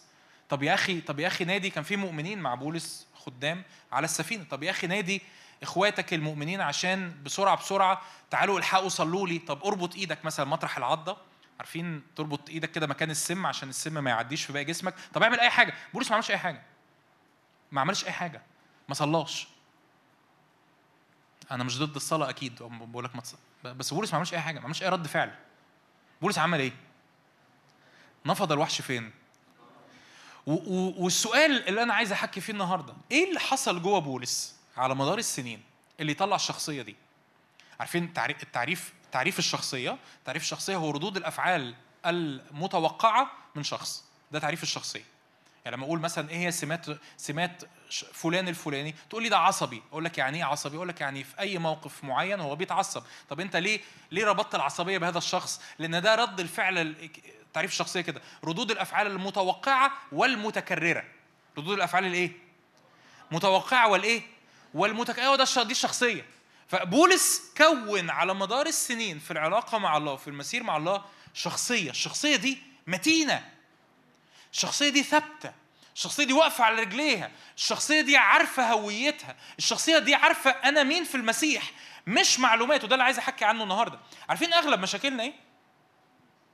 إن إحنا مش عارفين إحنا مين. أغلب مشاكلنا أغلب المشاكل اللي أنا بسمعها من حضراتكم القصص والحكايات والصلوات والطالع والنازل محورها أنت مش عارف أنت مين. تقول لا أنا عارف. أقول لك أيوه أنت عارف أنت عارف في دماغك المعلومة. لكن لما تيجي تشتكي إنه أنا مش لاقي حد يحبني حقيقة دي معلومة كاذبة لأن الرب بيحبك. هتقولي لا ما أنا عارف إن الرب بيحبني بس. عارفين البس دي؟ البس دي اللي لغت كل حاجة قبلها. أيوه أيوه أنت عارف في الدماغ أنت عارف معلومة إن الله بيحبك بس أنت لسه ما أدركتش بإعلان الروح القدس إن الله بيحبني. تقول أنا حاسس إن أنت وحيد. هقول لك أيوه أيوه بس ربنا معاك. تقول لي لا لا دي دي وعظة. أقول لك مش وعظة. تقول لي أيوه ما أنا عارف إن ربنا معايا. بس ما أنا عارف إن ربنا معايا. أنا مش برمي لوم عليك. أنا بش... أنا بفصص حاجة معينة هو ده اللي بتحكي فيه النهارده. انت عارف ان ربنا معاك بالمخ بالذهن لكن بالرغم ان انت عارف المعلومة اللي اسمها ان ربنا معايا لكن انت مش عايش الإعلان مش عايش الهوية انه الله الكبير قوي معايا. فأنا حاسس إن أنا لوحدي. بالرغم إن مين معايا؟ مين معايا؟ الله معايا. أنا مش لوحدي. أنا ما ينفعش أبقى لوحدي. أنا ما ينفعش أبقى مش محبوب. أنا ما ينفعش أبقى متساب. أنا ما ينفعش أبقى يتيم. تقول لي أنا عارف إنه الرب رعايا فلا يعوزني شيء زي ما كنا بنحكي من الحد اللي قبل اللي فات. آه أنت عارف. بس بس إيه؟ بس أنا خايف من المستقبل وخايف من الفلوس وخايف من المذاكرة وخايف من الجواز وخايف من العيال وخايف وخايف وخايف وخايف. اذا اذا حضرتك عندك إعلان ولا ما عندكش إعلان؟ أنت ما عندكش إعلان. أنت عندك معلومة. أنت عندك إيه؟ معلومة. أنت عندك معلومة. إن الله راعيك. أنت عندك معلومة إن الله أبوك. أنت عندك معلومة. سمعت آية في يوم من الأيام أو قريت آية في كتاب مقدس اسمها إنه ربنا بيحبني. بس ال- ال- ال- المعلومة المعرفة ما بتغيرش والمعرفة وحدها لا تكفي والمعرفه ما بتطلعش اختبار.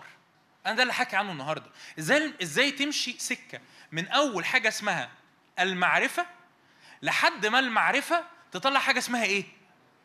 اختبار. حاجة اسمها إيه.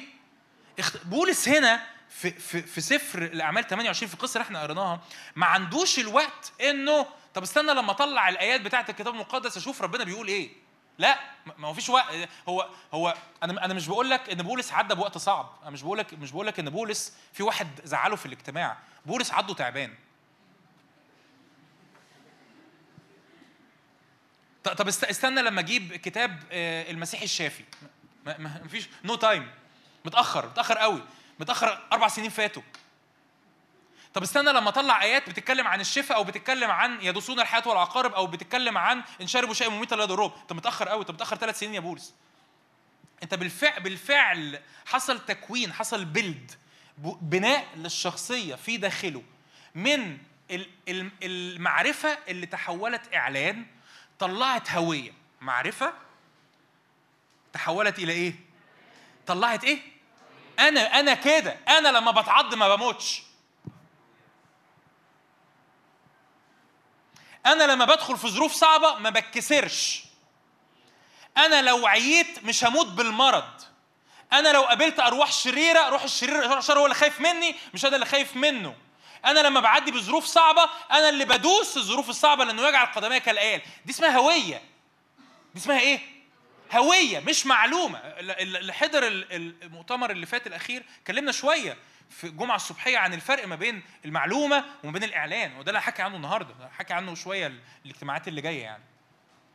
في فرق في فرق ضخم جدا ما بين حضرتك عندك معلومة سمعت وعظة سمعت وعظة اسمها الرب راعي آه الرب راعي ماشي. ها وبعد إيه اللي الوعظة اللي بعدها؟ الوعظة حبيبي هل أنت استثمرت الوقت إنه الم- المعرفة الحق الكتابي إنه يتحول إلى إعلان؟ يعني إيه إعلان؟ بقول كده زي اللمبة بتنور زي في أفلام توم جيري. اللمبة نورت ولا ما نورتش؟ لو اللي بيطلع منك بشكل ردود الأفعال التلقائية والمتكررة لو اللي بيطلع منك عكس الحق الكتابي الغلط مش في الحق الكتابي ولا الغلط فيك. أمال الغلط فين؟ الغلط المشكلة فين؟ المشكلة إن أنا ما اديتش الوقت إن الحق يتحول إلى إعلان. أنا لسه عارف أنا عارف الحق أنا عارف المعلومة. الرب راعي ربنا موجود. مكتوب على ظهر الميكروباص. صح ولا لا؟ ظهر التوك توك. ربنا موجود.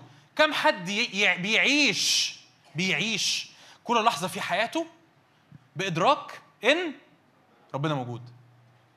من ال 20 مليون ولا 30 مليون اللي حاطين ربنا موجود على ظهر التوك توك بتاعهم. قليل جدا. ليه؟ طب هو ربنا موجود دي جملة غلط؟ جملة صح لكنها حق. بس الحق لسه ما تحولش لإيه؟ ولو ما تحولش الإعلام مش هيتحول لإيه؟ لهوية. فهخ- فبعد الشر يعني فالتعبان هيعضني و وهيحصل إني هنتفخ أو أموت. هعدي بظروف صعبة ولان أنا طلع مني حاجة أنا مش إيه ده؟ ما أنا عارف إن ربنا صالح ما أنا عارف إن الرب أمين ما أنا عارف إن أنا هو أنا مالي خايف كده ليه؟ هو أنا مالي قلقان كده ليه؟ هو أنا مالي مضطرب كده ليه؟ هو أنا مالي مش واثق في محبة ربنا كده ليه؟ لا لا لا يا جونا بس! ما الب- البس البس دي عايزين نقضي عليها.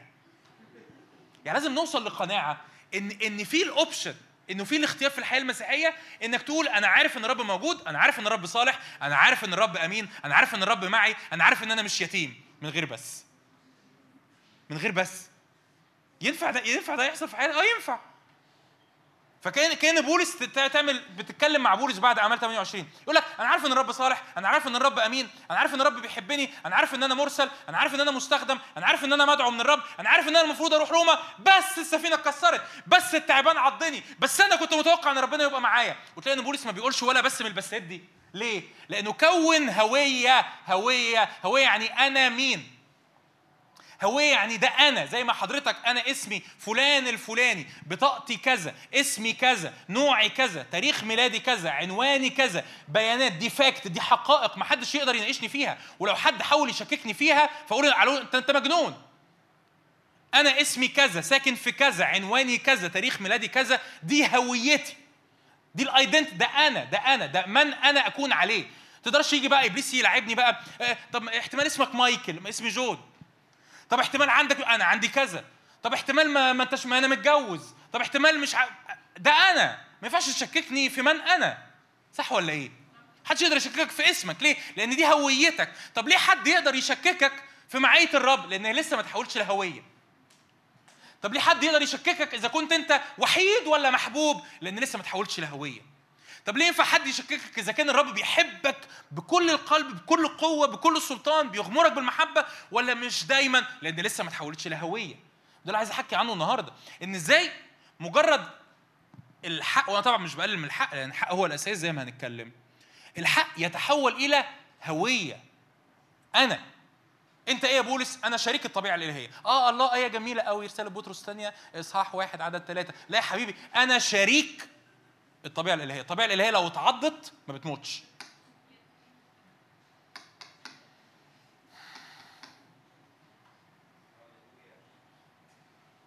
الطبيعة الإلهية لو عدت في النار ما بتموتش. الطبيعة الإلهية لو عدت في ظروف صعبة بيجعل قدمي كالآل ويمشيني على الطبيعة الإلهية بترفع أجنحة كالنسور فترقد ولا تتعب ولا وتمشي ولا هتقول لي إيه إيه إيه بس أقول لك اصبر عليا. مفيش بس. مفيش بس. آه طب طب تقول لي يعني يعني آه سكة آه سكة. وأنا هحكي سكة ونضوج ومسير مع الرب. لكن أنت من الأول كده بتختار إنه أنا ما عنديش بسات. ما عنديش لواكن. ما عنديش إن الحاجة دي كذا كذا كذا كذا. الله بيحبني وبيعمل وبيرعاني بس أنا وحيد وتعبان و... ليه؟ هو مش بيحبك؟ هو مش بيرعاك؟ هو مش أبوك؟ هو مش معاك؟ هو مش صالح؟ هو مش أمين؟ مفيش لكن. مفيش لكن. في هذه جميعها يعظم انتصارنا بالذي إيه؟ أحبنا. مفيش لكن. آه في ظروف صعبه ممكن يكون في ظروف لكن في هذه جميعها يعظم انتصارنا بالذي إيه؟ آه في تعبان ممكن يعضك آه في ارمي التعبان في النار. يعني في هذه جميعها يعظم انتصارنا بالذي إيه؟ أحبنا. أمين؟ فببساطة ده اللي هتحرك فيه النهارده أول أول خمس خطوات خمس حاجات يعني خمس حاجات تدرجات ينقلونا للهوية دي. أول حاجة المعرفة.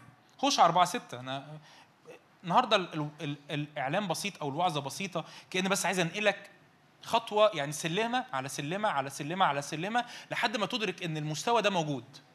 يعني يعني مستوى يعني تقول لي يا جود هل في إنسان هل في إنسان ينفع يعدي بظروف صعبة وقاسية و و و ويغفر اللي اساءوا ليه؟ أقول لك آه يوسف. مش هحكي بقى عن عن بني آدمين موجودين ما في بني آدمين موجودين وفي ناس بيختبروا ده. يوسف يوسف ده عنده إيه؟ يوسف ده يعني يعني يعني ممتلئ بروح قدس؟ لا الكتاب ما يقولش إن يوسف كان ممتلئ بروح قدس. طب يوسف ده يوسف ده شاف شاف الصليب وغفران الصليب؟ لا ما شافش الصليب وغفران الصليب. لكن زي ما سمعنا ال- الأسبوع اللي فات من ميمي أنتم قصدتم بي شرا لكن الله قصد بي إيه؟ خيرا وأقام من الاستبقاء حياة. وعرف يغفر إزاي؟ آه موجود.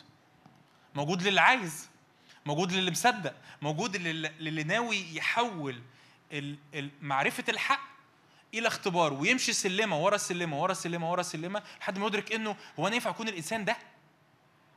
هو إزاي يعني إزاي ينفع يعني واحد يسيب كل اللي ليه ويتبع رب؟ إبراهيم.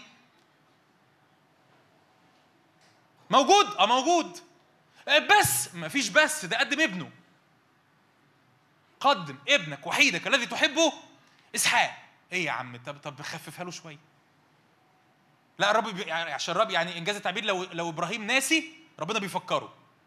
ابنك وحيدك الذي تحبه إسحاق واصعده لي بحرقة على جبل المريا. عشان لو مش واخد بالك يا إبراهيم أنت هتقدم مين؟ يقول لك كده فبكر إبراهيم. يعني ظبط المنبه على خمسة الفجر. طب يا عم تخليها تسعة ما تخليها عشرة يعني. فبكر إبراهيم. صحي تاني يوم س... ليه؟ ده حصل إزاي؟ آه لأنه يعرف رب ربنا موجود. كاتب على ظهر الحصان ربنا موجود. مش ك... مش كاتب على ظهر الحصان ربنا موجود. كاتب على على ألواح قلبه. كاتب على ألواح قلبه. ربنا موجود. ربنا موجود دي بالنسبة له مش وعظة مش آية مش جملة. دي مكتوبة على ألواح قلبه إنه أنا بتبع يهوة. أنا بتبع الوهيم الإله القدير ده وهو قادر أن يقيم من الأموات. طب س... س... إمتى إبراهيم سمع الوعظة بتاعت أن الله قادر أن يقيم من الأموات؟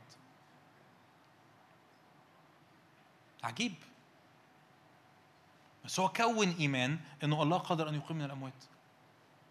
فهو اتحرك على هذا الأساس أن الله قادر أن يقيم اتحفرت في قلبه الله قادر أن يقيم من الأموات. هللويا. قول له رب أنا عايز عايز أتغير؟ كل حق أستقبله يكون حياة اختبارية بعيشها آمين. آمين.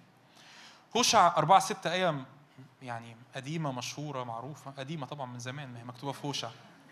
من أيام هوشع. هوشع 4 6 يقول إيه الرب؟ هلك شعبي. قد هلك شعبي من عدم المعرفة.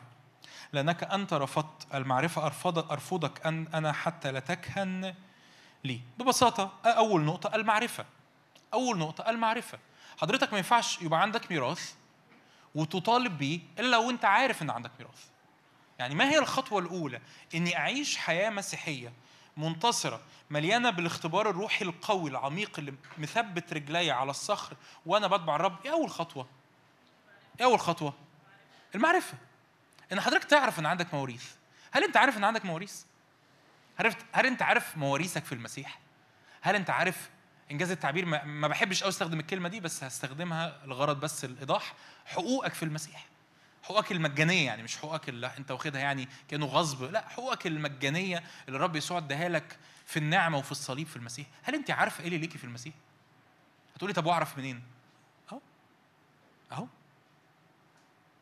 الكتاب بيقول كده لو لو الوارث قاصر لا يفرق شيء عن العبد لو الوارث طفل جاهل مش عارف إيه اللي ليه لو حضرتك المثل المشهور لو ورثت ملايين الدولارات من خالك ولا عمك اللي في ولا جدك اللي في أمريكا ومحدش بلغك إن ليك ميراث هتعيش فقير وتموت فقير بعد الشر يعني. ليه؟ لأنك مش عارف مش عارف. وأنت بتعيش على الأرض أنت بتحضر اجتماعات بتصلي كل ده كويس. تقول لي الاجتماعات كفاية؟ أقول لك الاجتماعات مش كفاية. اجتماعات هتقول لي ليه؟ عشان عندكم مشكلة في الوعظ؟ أقول لك لا ما عندناش مشكلة في الوعظ لكن الاجتماعات عمرها ما تكون كفاية. لو بتحضر وعظة كل يوم مش كفاية. لو بتحضر وعظة كل ساعة كلمة الله إنك تقعد قدام الكلمة وتستقبل اللي ليك شخصيا من الرب وتدرك إزاي الرب اتعامل. الكتاب المقدس لذيذ جدا. ما هوش زي كتب اللاهوت النظامي. يعني إيه؟ أو زي كتب الروحية. الفصل الأول المحبة. الفصل الثاني الوداعة. الفصل الثالث القداسة. لا الكتاب المقدس هو هو سيناريوهات مختلفة لتعاملات الله مع أشخاص وشعوب مختلفة وتبتدي تتعلم شخصية الله المتنوعة وتعاملاته مع كل أنواع البشر. فتختص جوه الكتاب المقدس تختص جوه الكلمة وتقول يا رب زي ما عملت إبراهيم تعمل معايا وزي ما عملت مع بولس تعمل معايا كنت امبارح في في زي حاجة كده أونلاين ففي حد بنتكلم عن الغفران وبنتكلم عن المحبة فاحنا بنتكلم فحد يعني بتكلم عن الغفران والمحبة ومش عارف إيه فحد قال لي أيوه بس ده بولس فقلت قلت أيوه ما هو ده بولس وإله بولس هو إيه؟ هو إلهي والإله اللي عمل مع بولس كده يقدر يعمل معايا إيه؟ عندك دايما الأوبشن ده إنك تقرأ عن دانيال. دانيال في جب الأسود. تقول لي آه أصل أصل ده مين؟ إله دانيال. القصة مش في دانيال. القصة في إله دانيال. القصة مش في الفتية الثلاثه القصة في إله الفتية الثلاثه فاهمين أقصد إيه؟ بس أنت محتاج الأول عشان تعيش ال- الهوية دي إنك تعرف. إنك تعرف. وهلك الآية قوية الآية صادمة الآية تخض. هلك شعبي لعدم المعرفة. لو انت مش عارف المواريث اللي ليك هتحيا فقير روحيا. عايش ضعيف هفتان غلبان. فاكر إنه القصة كلها إن أنا بروح أرنم وأسمع وعظة وأروح وهي بركه والكتاب يقول قد هلك شعبي لعدم المعرفة. لأنك رفضت المعرفة أرفضك أنا حتى لا تكهن لي مش تقدر تقف قدامي مش تقدر تكهن لي كما ينبغي مش تقدر تكون خادم ليا واقف بالمواريث اللي ليك قدامي كما ينبغي ليه؟ لأن أنت مش عارف إيه اللي ليك. الكتاب يقول كده في سفر إشاعيا عن عن الكتاب المقدس يقول كده إلى الشريعة وإلى الشهادة إن لم يقولوا مثل هذا القول فليس لهم فجر. يعني؟ لو الشعب القديم أو لو إحنا النهاردة ما قلناش كده يلا يا جماعة نجري إلى الكتاب المقدس يلا يا جماعة نجري لمعرفة الرب يلا يا جماعة نجري إلى معرفة موارثنا اللي في الرب ليس لنا فجر. يعني ليس لنا فجر مش هيطلع علينا صبح. ليه؟ لأنه هلك شعبي من عدم الإيه المعرفة. تقول لي أنا عندي وكأن الرب يعني ده أنا ده أنا سكبت روحي وسكبت شفاء وسكبت حياة وسكبت سلام وسكبت بر وسكبت إمكانية للقداسة وسكبت تبعية وسكبت دعوة. وابني مش عايش ده كله. كان الرب يقول يا ريته كان يعرف. فإيه أول أول سلمة؟ المعرفة. وهلك شعبي من عدم الإيه؟ المعرفة. أنا هرجع أقول له يا رب أنا الكتاب المقدس ده عايز أتصاحب عليه عايز أعرفه عايز أعرف الأمور اللي ليا. في المسيح. تاني حاجة بعد المعرفة تاخدك سلمة كمان اللهج. افتح معايا مزمور واحد. اللهج في الكلمة. اللهج في الكلمة. إيه هو اللهج؟ اللهج هو إن هو عملية قراية الكتاب المقدس والتأمل في آيات الكتاب المقدس ونطق الكتاب المقدس بصوت مسموع. قبل ما أقرأ لك الآيات عن اللهج أحكي لك عن شريعة جميلة في في العهد القديم اسمها شريعة الحيوانات الطاهرة. شريعة الحيوانات الإيه؟ الشعب اليهودي كان عنده شريعة أو عنده وصايا مرتبطة إيه الحيوانات اللي ينفع ياكلوها وإيه الحيوانات اللي ما ينفعش ياكلوها. تقول لي وأنا مالي ومال الكلام ده جون؟ هقول لك. ببساطة في تشبيهات كتير في الكتاب المقدس وإحدى التشبيهات هو التشبيه ده جميل جدا يعلمنا حاجة عن المؤمن المسيحي. يقول لك إيه الحيوانات الطاهرة بحسب العهد القديم؟ يعني ال- المؤمن اليهودي أو الشخص اليهودي في العهد القديم عايز ياكل أكلة ياكل حيوان يجيب يذبح ذبيحة ويطمن إن الذبيحة دي ينفع ياكلها. في شرطين. شرطين للحيوان ده. إيه الحيوان اللي ينفع يتاكل؟ يقول لك كده لازم يكون يكتر ويشق الظلف. تاني؟ يكتر وإيه؟ ويشق يعني إيه يكتر؟ زي إيه؟ زي البقر والجاموس والمعيز والخرفان كل دي حيوانات تكتر تمام؟ الخنزير لا يكتر ولكنه يشق الظلف مثلا. الحصان يكتر ولكنه لا يشق الظلف. فال- فاليهودي ما كانش بياكل الخنزير وما ياكلش الحصان. ليه؟ لأنه لازم الحيوان يبقى ليه إيه؟ ليه إيه؟ شرطين. إيه هما الشرطين يكتر وإيه؟ يعني إيه يكتر الحيوان ال ال ال زي البقر والجاموس ومش مش عارف إيه المعدة بتاعتهم عندهم أربع غرف في المعدة. حاجة كده قصة يعني مش مش هدخل فيها لأن إحنا مش في عالم الحيوان. البقرة من دول تبقى قاعدة في العشب الأخضر كده أهو وتاكل العشب الأخضر. العشب مش سهل الهضم. العشب الأعشاب الخضراء مش سهله الهضم. فال فالبقرة ها؟ تاكل الايه؟ العشب. لما العشب يدخل المعدة بتاعت البقرة ما يتهضمش على مرة واحدة. ما تعرفش ده ده, ده علميا أنا دلوقتي بتكلم مش حاجة روحية دي ها؟ ما, تحسبوهاش عليا في الوعظة. ده ده جزء حاجة ليها علاقة بعالم الحيوان وصديق المزارع وكده مش يعني. فالبقرة تاكل العشب تهضمه على مرة واحدة ولا لأ؟ لأ. وفي إيه؟ في غذاء. في غذاء. طب نعمل إيه؟ نرميه؟ لا ما نرميهوش. تروح البقرة تعمل حاجة عجيبة جدا جدا بحسب خلقة ربنا. تروح مطلعة الأكل تاني من معدتها ما تقرفش ولا حاجة لأن هو ما بيكونش مهضوم 100% وت- ويرجع تاني في بقها. العملية دي اسمها ليه؟ الاكترار إنه ال- البقرة أو الم... عشان كده ممكن تلاقي المعزة قاعدة في حالها ما بتاكلش حاجة وعمالة تمضغ بتكلم بجد؟ الجمل تلاقيه بيمضغ بيمضغ إيه يا عم ما حدش اداله حاجة ياكلها. آه هو بي بياخد الأكل تاني اللي في معدته اللي هو يعني إيه؟ ربع مهضوم أو نص مهضوم ويرجعه تاني في بقه يقعد يعمل إيه؟ يقعد يعمل إيه؟ يمضغ فيه ويروح بلعه تاني وهكذا لحد ما يتأكد الجمل أو أو البقرة أو ايا كان الحيوان إنه اخذ كل الغذاء اللي موجود فين؟ في العشب ده. العملية دي اسمها الإيه؟ أكتر إنه إنه يكتر. هتقولي وأنا إيش دخلنا أنا في الكلام ده؟ يعني أنا مالي أقول لك حضرتك ما هو المؤمن المسيحي لازم يعمل إيه؟ يكتر. يعني إيه يكتر يعني حضرتك بتقرأ؟ هدي أعصابك. بلاش أنت. المؤمن المسيحي يقرأ الكتاب المقدس تقول لي أنا قر... كام مرة قريت الآية بتاعت لو هاخد مثل الرب رعايا فلا يعوزني شيء. آه قريت المزمور ده مرة اتنين تلاتة. بس يا غريبة يا جون بعد ما أنا سمعت الوعظة بتاعتك رجعت خفت. أقول لك لأن حضرتك لا يكفي المعرفة. لأن إحنا قلنا عايزين نتنقل من المعرفة للاختبار. لا يكفيك المعرفة. أنت محتاج تعمل إيه؟ وقول ورايا. تعمل إيه؟ تكتر. تاخد الحق مرة وتمضغه وتبلع واتنين وتلاتة وعشرة وعشرين لحد ما تاخد الغذاء الكامل اللي فيه كله. تعمل كده مع إيه؟ تعمل كده مع الآيات. اللي, اللي انت شايف ان انت لسه مش عايشها انت تاخد خلوتك في الكتاب المقدس. ولقيت آية ليها علاقة بإنه الله أبويا. بس أنا مش حاسس إن أنا يتيم حاسس مش الله الله مش أبويا. آه طب فوت فوت إن شاء الله هبقى أشوف الموضوع ده بعدين. لا أقف عند الآية دي. حتى لو خدت الأسبوع كله بقرأ في الآية دي. آه. الأسبوع كله عمال أقرأ في الآية دي وأكتر وأقرأ في الآية دي وأكتر وأقرأ في الآية دي وأكتر وكلها. الله أبويا الله أبويا الله أبويا. أنا مش يتيم هو ده اللهج. ان أنا باخد الآية بحط نفسي في الآية بتأمل فيها وبعلنها بصوت. فأشكرك يا رب لأنك بتحبني أشكرك يا رب لأن أنت بتحبني أشكرك لأن أنا مش يتيم شكرا يا رب لأن أنت قلت لا أترككم يتامى شكرا يا رب لأن أنا مش يتيم. تحطها post ع... sticker على الموبايل شكرا يا رب لأن أنا مش يتيم. تحطها على كتاب المقدس أول ما تفتح كتاب المقدس شكرا يا رب لأن أنا مش يتيم. أنا مش يتيم. أنا تكتبها post على الفيسبوك يقول لك إيه يا عم زهقنا منك. معلش أنا بفكر نفسي أنا مش يتيم. أنا الله أبويا الله راعية الله أبويا الله راعية. أنا مش يتيم. أنت بتعمل إيه؟ بتكتر. هتقولي و يعني لازم أعمل كده؟ أقول لك آه لازم تعمل كده. ما هو المعرفة هتفضل مجرد معرفة لو أنت ما عملتش كده.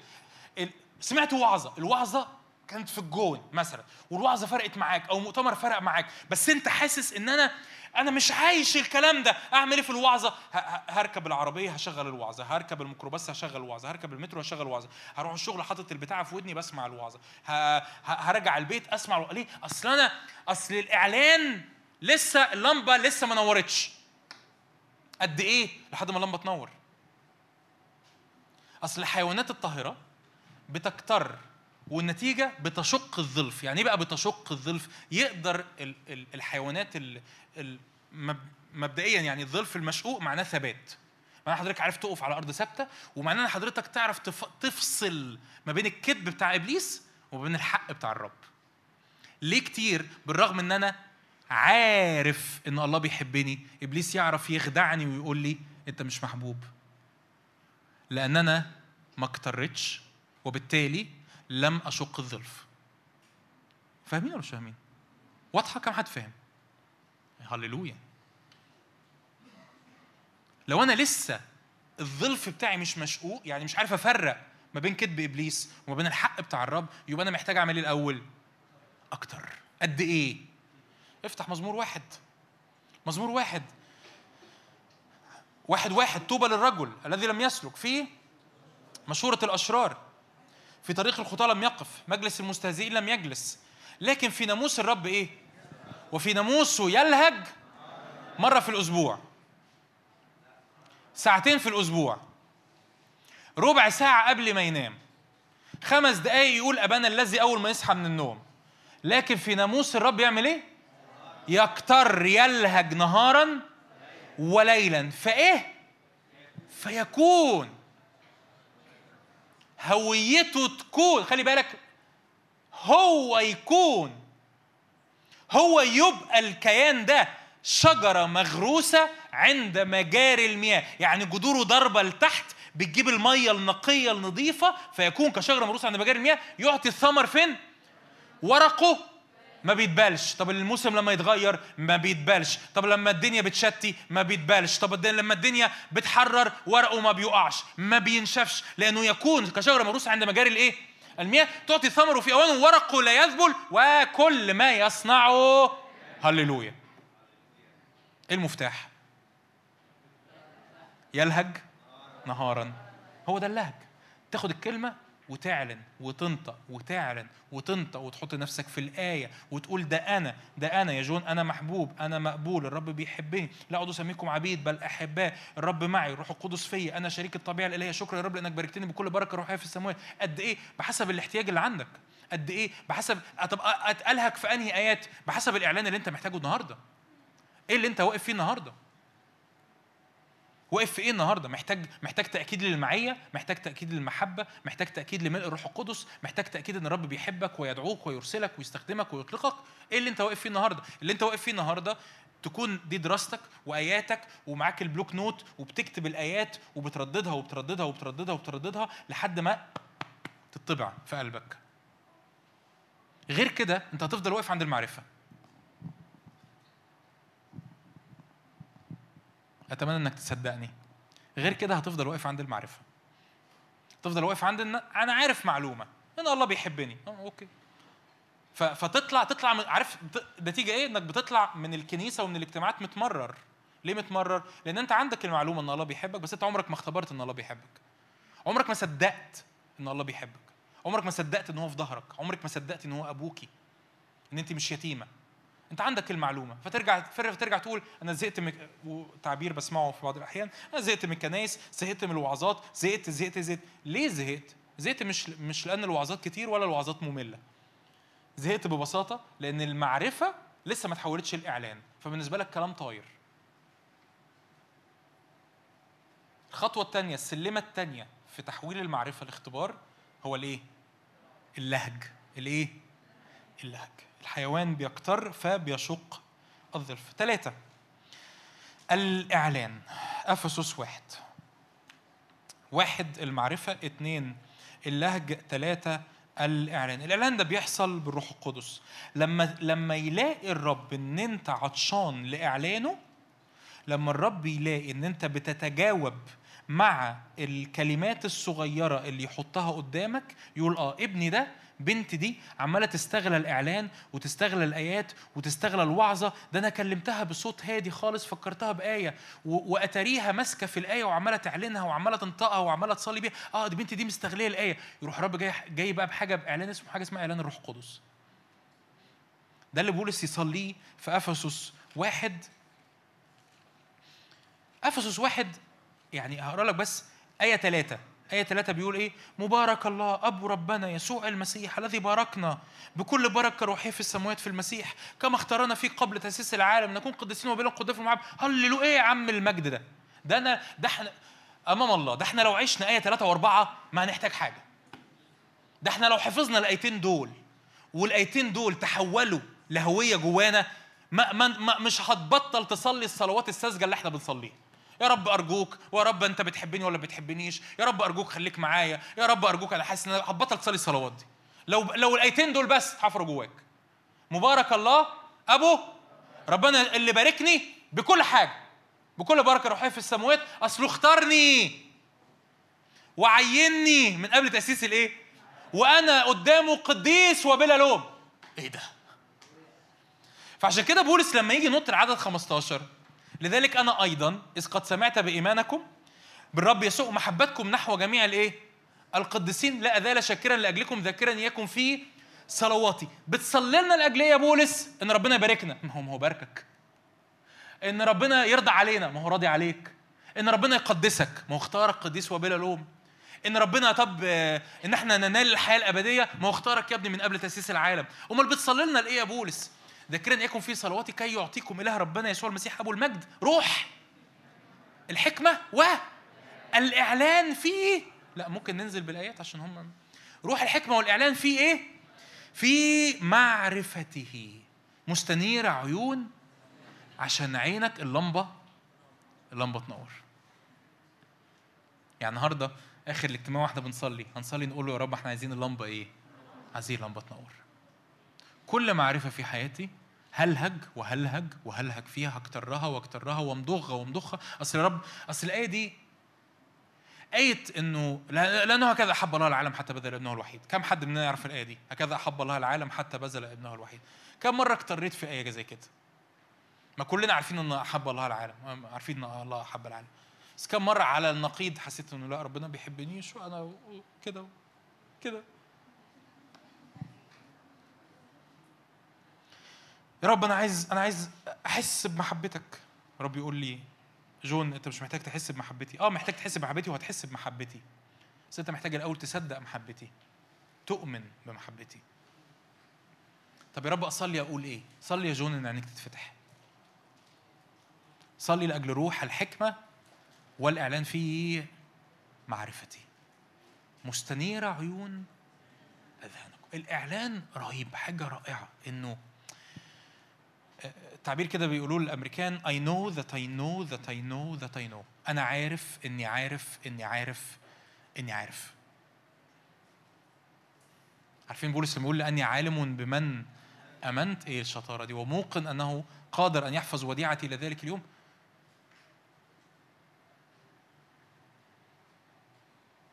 إيه اللي يحولني للهوية دي؟ إيه اللي يحولني إن أنا في كل أحوالي مدرك إني محبوب. يعني هقول لك شوية حاجات كده أعتقد إن كلنا نحبهم. في كل أحوالي مدرك إنك محبوب. في كل أحوالك مدرك إنك مقدس. في كل أحوالك مدرك إن الله معك. في كل أحوالك إن مدرك إن الله باركني بكل بركة روحية. في كل أحوالك عارف إن في نور جواك ونور حولك يرعب إبليس. مين يحب ده؟ أنت عارف إن ده موجود؟ يعني تخيل اللي أنت نفسك فيه ده موجود موجود. تقول لي طب هو ليه مش حاصل؟ مش حاصل لأن اللمبة لسه ما نورتش. فبولس اللمبة منورة. اللمبة مش اللمبة منورة. ده, ده, ده اللي حواليه مكهرب. مش اللمبة منورة. ليه اللمبة منورة؟ لأنه مدرك لأنه عارف. لأنه كم من مرات قرأ الكتاب المقدس وصلى وطلب الإعلان وطلب الحكمة. قال كده إعلان لي- ليس من هذا العالم ولا من عظماء هذا الدهر الذين يبطلون. يقول كده نحن نتكلم بحكمة بحكمة الله في سر الروح. يقول كده الروح الذي من الله يخبرنا بالأمور الموهوبة لنا من الله. روح القدس يعلن. وأنا بغمض عيني في الصلاة. أقول له يا رب أنا عايز أدرك محبتك. ما تطلبش المحبة يعني وانجاز التعبير. يعني أنا آسف سامحني. دي طلبة ساذجة. وإن وانجاز التعبير هقولها دي طلبة خاطئة. يا رب أرجوك أنا عايز إنك تحبني. دي طلبة غلط. أنا عايز أدرك إنك بتحبني. أنا عايز أدرك إنك أبويا. أنا عايز أدرك لا لا يا رب أرجوك خليك معايا النهارده. إيه رأيك إيه رأيك تستبدل الصلوات دي؟ لأن أنت عارف إن صلوة زي كده بتهدم الإيمان؟ تقول لي ده أنا بصلي. هو ينفع أصلي والإيمان يتهدم؟ آه. ما أنت بتصلي غلط. يا رب أرجوك خليك معايا النهارده. أنت عارف إن هذه الصلوة عكس ضد الإيمان. يعني الصلوة دي تقولي صلوة تهدم الإيمان؟ آه دي صلوة تهدم الإيمان. لأن أنت بتقول عكس اللي الرب بيقوله. أنت بتقول له أرجوك كون إيه؟ وهو بيقول لك أنا إيه؟ أنا معاك. أنا معاك طول الوقت. لا أهملك ولا أتركك. أنا معكم كل حين والى قضاء الظهر. أمال تقول له إيه؟ يا رب أنا عايز أدرك النهارده وبكرة وبعده إن أنت معايا.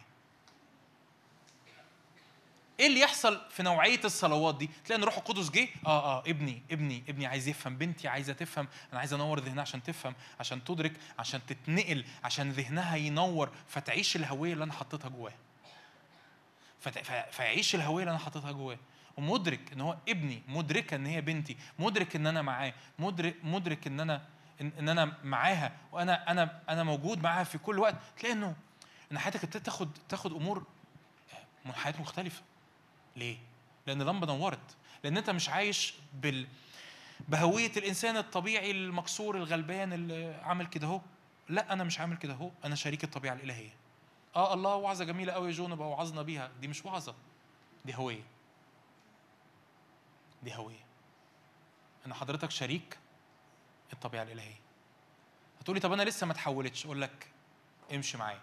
أول أول سلمة قلنا المعرفة تاني سلمة اللهج ثلاثة الإعلان. أربعة الايمان أربعة الايمان الإيمان. أنت ما تقدرش تثق في المعلومة لكن تثق في الإعلان. أما الإيمان فهو الثقة عبرانيين 11 واحد. الإيمان هو الثقة بما يرجى والإيقان بأمور لا ترى إني بقيت واثق في إله موجود لكنه لا يرى في العالم المادي. أنت عارف ما تقدرش تثق في معلومة. ما تقدرش. أنت تقدر تثق لما الحق يتحول لإعلان. لما الحق يتحول لإعلان تقدر تثق. منين جاب إبراهيم الإيمان؟ لأنه بالنسبة له ربنا مش معلومة. ربنا إله شخصي استقبل إعلان مرة ومرة ومرة ومرة. طبعا فأنا مش بقول لك عن حاجة اللي هو إيه هنطلع النهارده من القاعه كلنا الحمد لله اللمض منورة. لا. ده مسير. ده مسير مع الرب إن أنا بقرأ عن المواريث بحفظ المواريث بلهج في الكلمة بطلب إعلان الروح القدس الروح القدس ينقل لي هذا الإعلان ينور ذهني مرة بعد مرة يشيل طبقات قديمة من الظلمة ومن الغي ومن الكذب بتاع إبليس ومن ال- التراب اللي محطوط على الهوية بتاعتي.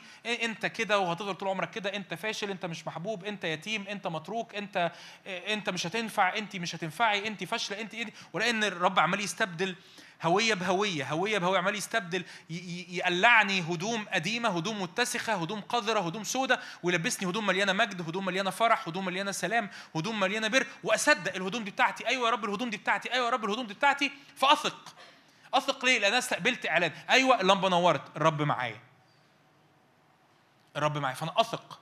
فأنا بتحرك بالإيمان ده وأنا عارف إنه الر- الرب معايا. فأنا فخمسه وأخيرا عشان مش عايز اوريدي إحنا طولنا وعايزين نلحق نصلي.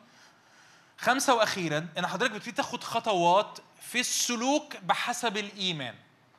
الإيمان الإيمان هو إدراك الأمور اللي موجودة في عالم الروح. حساباتك مختلفة. تعال نفتح آية فيليبي 3 يقول إيه بولس الرسول. فيليبي 3 عدد أربعة. يقول بولس الرسول أنا عندي حاجات كويسة بحسب إن أنا يهودي واخترت إن أنا ما اتكلش على الحاجات الكويسة دي. فيقول كده مع أن لي أن أتكل على الجسد أيضا. إن ظن واحد إن ظن واحد آخر أن يتكل على الجسد فأنا بالأولى. من جهة الختان مختون في اليوم الثامن من جنس إسرائيل من سبط بنيامين عبراني من العبرانيين. دي كلها حاجات كوي- كويسة. من جهة الناموس في الريسه دي كلها حاجات كويسة. يعني حاجات أي واحد أي مواطن يهودي في هذا الزمن من حقه إنه يفتخر بالأمور دي. وكان واحد بيقول أنا آه، أمريكاني الأصل جدي أمريكاني أمي أمريكانية جد أمي أمريكانية أنا عايش كذا بقبض بالدولار آه، حاجات فهو هنا مش بيتكلم عن خطية. مش بيتكلم عن إيه؟ مش بيتكلم عن خطايا هو بيتكلم عن مميزات ليها علاقة بانتمائه هو للشعب اليهودي ومميزات كويسة ولا وحشة؟ كويسة ومن حقه إنه يفتخر بيها. لكن يقول كده من جهة الغيرة مضطهد للكنيسة من جهة البر إلى آخره. عدد سبعة. لكن ما كان لي ربحا. لكن اللي كان بالنسبة لي ربح فهذا قد حسبته من أجل المسيح إيه؟ بل إني أحسب كل شيء أيضا خسارة من أجل فضل معرفة المسيح يسوع ربي الذي من أجله خسرت كل الأشياء وأنا أحسبها إيه؟ نفاية لكي أربح المسيح وأوجد فيه ليس في بري الذي إلى آخره. ثلاث مرات بولس يقول كده في عدد سبعة ما كان لي ربحا هذا قد حسبته بل إني أحسب. وعدد ثمانية وأنا أحسبها. ثلاث مرات بولس الرسول يقول تبعيتي للرب ما كانتش قفزة عمياء في الهواء. تسمع الخادم يقول لك الإيمان هو قفزة في الهواء. لا الايمان مش قفزة في الهواء ليه؟ الايمان قفزة في الهواء لا الايمان مش قفزة في الهواء الايمان هو هي قفزة على إله موجود. الايمان مش قفزة في الهواء. ده ده كلام وعظات. الإيمان مش قفزة في الهواء. الإيمان مش قفزة في الهواء. الإيمان حسبه مظبوطة. الإيمان مش قفزة في الهواء. الإيمان إيه؟ كم مرة بولس يقول أنا اتبعت الرب. اتبعت الرب ليه؟ أصل أنت مجنون. يقول لك لا ده حسبتها. حسبتها كم مرة يا بولس؟ أنا عملت الحسبه ولقيتها ولقيت تبعية الله تكسب فقلت أعمل إيه؟ أعيد الحسبة. يمكن أنا حسبت حاجة غلط. أعيد الحسبة. لقيت مين مين اللي يكسب برضه تبعية الله غلط. وبعد كده عدت الحسبة تاني. لقيت مين اللي يكسب؟ تبعية الرب تكسب. أنا حسبتها. يعني إيه ببساطة؟ الإيمان هو إدراك إن الحياة اللي إحنا عايشين فيها دي ما هياش فقط البعد المادي. الإيمان معناه إن الحياة اللي إحنا عايشين فيها دي ما هياش مجرد الأمور المادية اللي أنت شايفها بإيديك لبسك وهدومك وفلوسك وجوازك وعربيتك وشقتك والمشوار اللي رايح والمشوار اللي جاي مش هي دي الحياة. الحياة فيها بعد روحي. الإيمان هو عينيك بتتفتح على البعد الروحي. طب وإيه اللي يخليني أفتح عينيا؟ ما أنا قلت لك الإعلان قبلها أصل اللمبة حصل فيها إيه؟ نورت فعينيك اتفتحت. فبولس أدرك إنه لو أنا فضلت متمسك بإمكانياتي وبالأمور اللي أفتخر بيها كإنسان يهودي إن أنا عبراني إن أنا فريسي إن أنا مختون إن أنا إن أنا, إن أنا. الحاجات دي قيمتها إيه؟ قيمتها برضو إن أنا رايح الجحيم. قيمتها برضو إن أنا مش مع الرب. قيمتها برضو إن أنا مش محقق هدف وجودي على الأرض. طب إيه الحل يا بولس؟ احسبها. احسبها إن حضرتك هتخسر أمور وقتية أمور مؤقتة في مقابل إنك هتكسب حاجات أبدية. مين اللي يكسب؟ تاني. هتخسر أمور مؤقتة. هتخسر أمور مؤقتة. في المقابل هتكسب أمور أبدية. مين اللي يكسب؟ الأمور الأبدية اللي هتكسب. حسبه منطقيه ولا لأ؟ صدقني منطقيه صدقني منطقيه طب إحنا ليه مش شايفينها كده؟ لأن إحنا لسه ما خدناش الإعلان. لسه المعرفة كم حد هنا يعرف إن في حاجة اسمها حياة أبدية؟ ها ارفع إيدك برفع الأيدي. كم حد هنا يعرف إن في حاجة اسمها حياة أبدية؟ حلو. كم حد هنا يعرف؟ كم حد هنا يعرف إن اللبس اللي عليك لما تيجي تموت مش هيبقى بتاعك؟ إن الساعة اللي أنت بتتفشخر بيها إن الموبايل اللي في جيبك ايا كان ثمنه العربية اللي انت راكبها لو ربنا يعني رزقك وادالك عربية إن الشقتين اللي حضرتك ممكن تكون عايز تشتريهم إن حتى جوازك حتى الجواز مش هيكمل في الأبدية. كم حد عارف المعلومات دي؟ بصراحة كده ارفع إيدك. آه الجواز مش هيكمل الابد آه. ما كنتش عارف ولا إيه؟ كويس. اديك اديك أديك عرفت. لسه قدامك فرصة. اديك أديك عرفت. ها تاني تاني. كم حد عارف إن الهدوم الهدوم اللي أنت بتلبسها مش أبدية الفلوس مش أبدية الشقة مش أبدية العربية مش أبدية حتى جوازك مش أبدي. كم حد عارف المعلومات دي؟ ولو مش عارف اديك عرفت. حلو الكلام. بالرغم إن أنت عارف الحاجات دي إلا إن أنت بتختار برضو إنك تخسر كل يوم أمور أبدية في مقابل حاجات أنت متأكد إنها تتاخد منك. ليه؟ لأن أنت عندك معلومة ما عندكش إعلان. أتمنى إن هي تنور. يا رب تنور. يا رب تنور. أنت عندك مجرد معلومة. إيه المعلومة؟ آه إن في حاجة اسمها حياة أبدية وأنا عارف إن هدومي مش هاخدها معايا وفلوسي مش هاخدها معايا ساعتي مش هاخدها معايا عربيتي مش هاخدها معايا شقتي مش هاخدها معايا آه منصبي مش هاخده معايا. أمال هتاخد إيه معاك؟ هتاخد معاك كل نفس ربحتها للمسيح.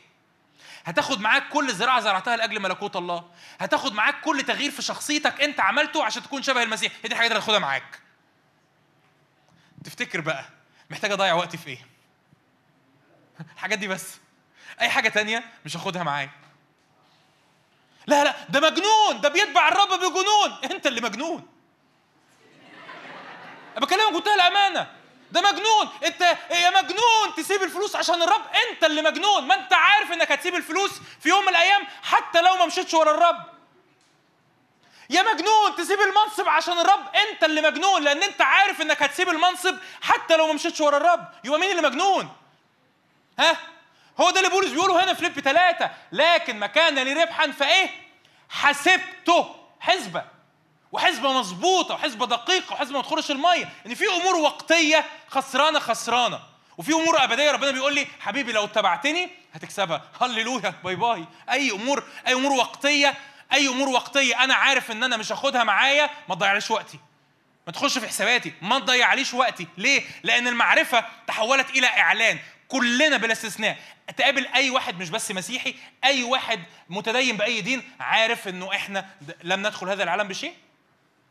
دخلنا عرايا كما ولدتنا أمهاتنا وسنذهب كما ولدتنا أمهاتنا. بس كام واحد من دول من الملايين دول عايش لأجل الأمور اللي عايز يكسبها على الأرض.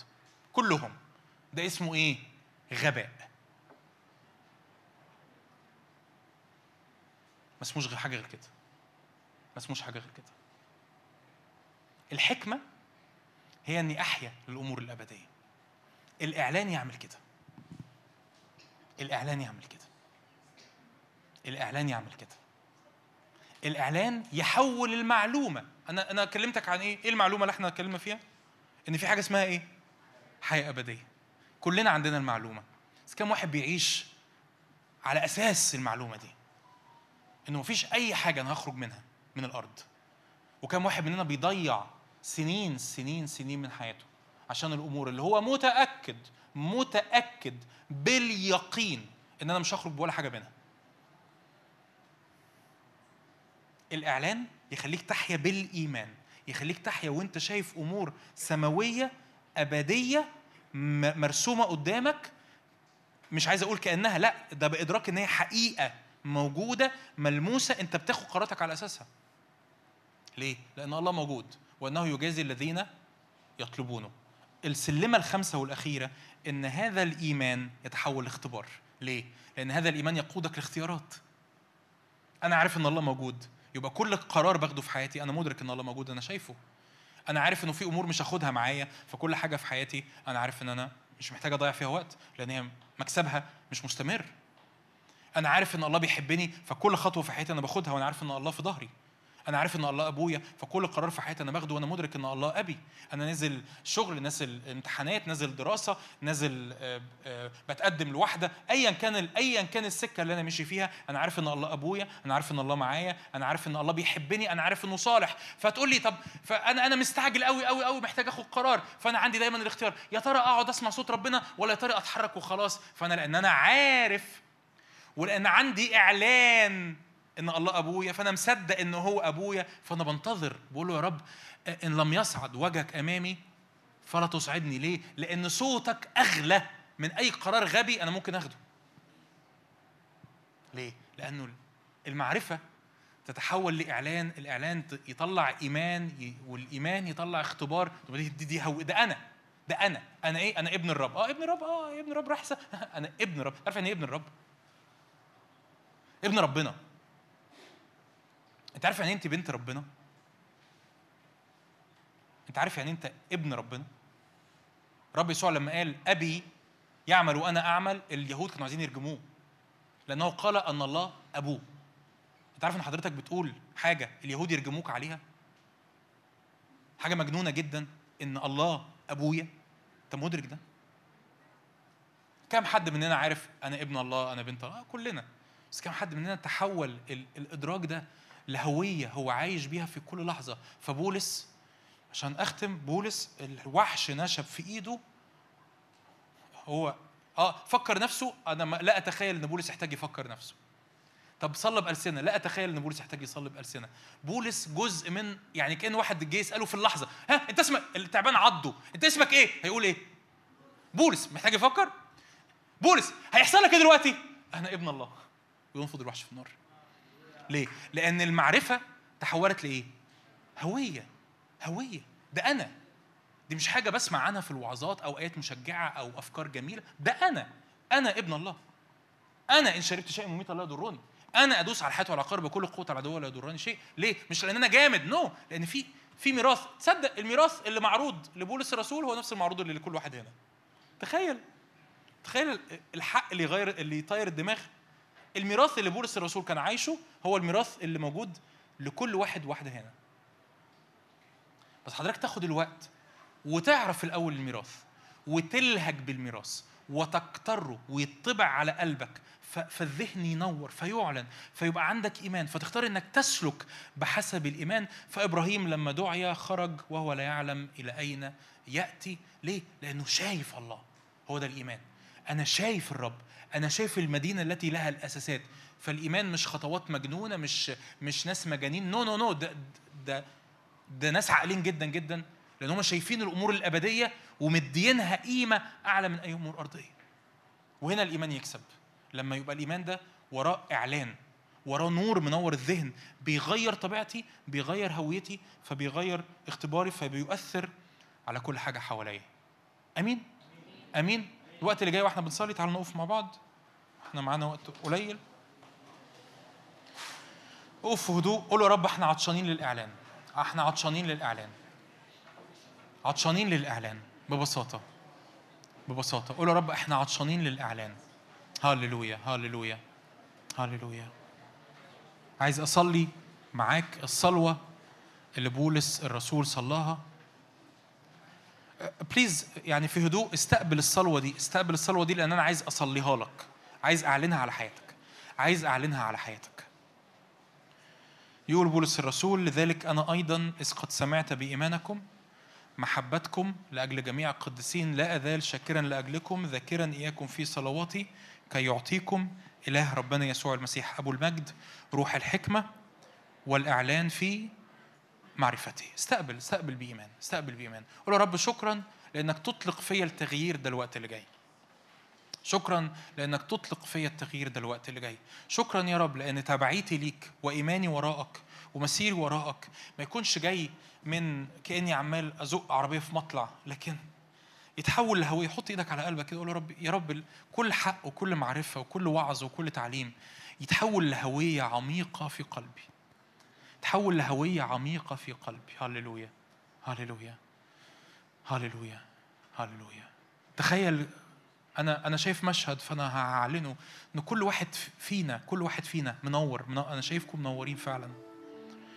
فيا رب أنا أنا بعلن يا رب جيل منور في اسم يسوع. مش منور اللي هو يعني آه يعني كويسين كده مؤمنين كويسين. لا يا رب لا منورين. الكتاب قال كده كنتم قبلا ظلمه أما الآن فنور في الرب. عايز أصلي تاني نفس الصلوات.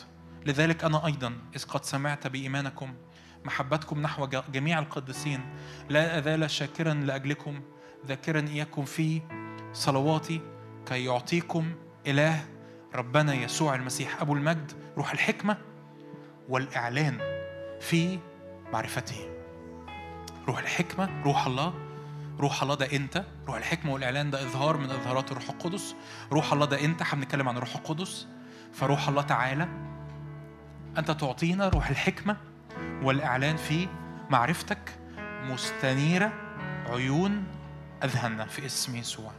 روح الحكمة والإعلان في معرفتك. مستنيرة عيون أذهاننا.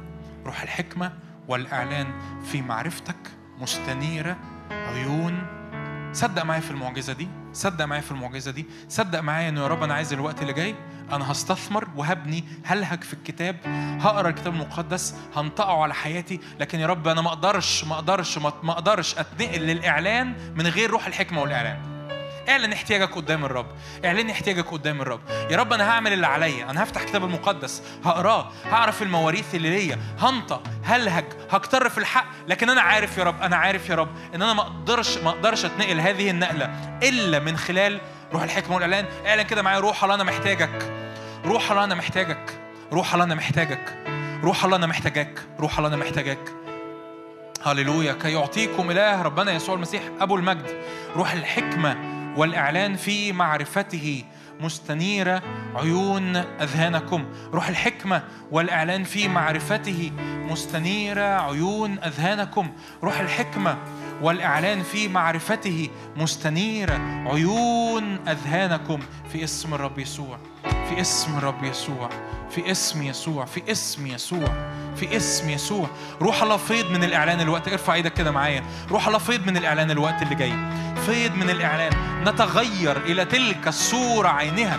من مجد إلى مجد كما من الرب الروح.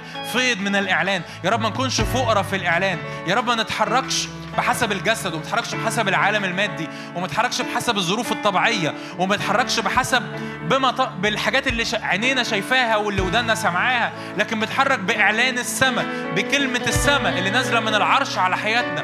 بتحرك بقيادة السماء بتتحرك بهوية السماء فنختبر فنتغير فنضيء فنلمع في اسم الرب يسوع. فحياتنا تبقى نور وشهادة وقوة. قول يا رب كل مرة صلي معايا قول يا رب كل أنا كل مرة أنا سمعت فيها إنك أبويا كل مرة سمعت إن أنت بتحبني كل مرة سمعت إن أنت عايز ترسلني كل مرة سمعت إن أنت بتدعوني كل مرة سمعت إن أنا ابنك لكن أنا مش مختبر ده. قول روح الله روح الله أنت تنير ذهني في اسم يسوع. انت تنير ذهني فادرك أنا أنا ايماني ان في في ظلمة بترفع في تشويش بيرفع في اسم الرب يسوع في كذب العدو اللي بيرفع. وأنا ايماني ان ده اللي محمل بيه النهارده ان اذهاننا تنور. فتلاقي فتلاقي ان هو إيه؟ يعني انت هو هو وانت هي هي. ومفيش حاجة اتغيرت حواليك بس انت مرة واحدة نورت نورت. ذهنك نور. مرة واحدة تدرك إيه ده؟ يس آه أنا ابن. أيوه أنا محبوب. أيوه أنا مقبول. أيوه أنا مرسل. لا- أنا مدعو. أيوه أنا مقدس. أيوه أنا مش وحيد. أيوه أنا مؤثر. أيوه أنا ملك وكاهن. ليه؟ لأن روح الحكمة والإعلان في معرفة يسوع. ينير ذهنك الآن في اسم يسوع. روح الحكمة والإعلان في معرفة يسوع. ينير ذهنك الآن في اسم الرب يسوع. ارفع إيدك كده معايا. اعلن. لا ظلام على ذهني. لا اعلنها. انطقها اطرد الظلمة اطرد الظلمة. لا ظلام على ذهني لا ظلام على ذهني لا غي على ذهني لا غباء على ذهني في اسم يسوع.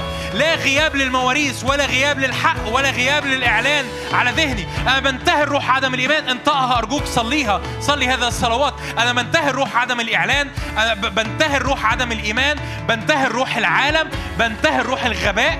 بنتهر روح الغي. أنا بعلن نور نور نور وحكمة. نور وإعلان على ذهني نور وإعلان على قلبي. أتحرك بالإعلان أتحرك بالإيمان أتحرك بإدراك الهوية في اسم الرب يسوع. أتحرك بحسب ما للرب لي وما للرب لأيامي وما للرب لمستقبلي. قراراتك اللي جاية وأنت بتصلي كده لأجل مستقبلك.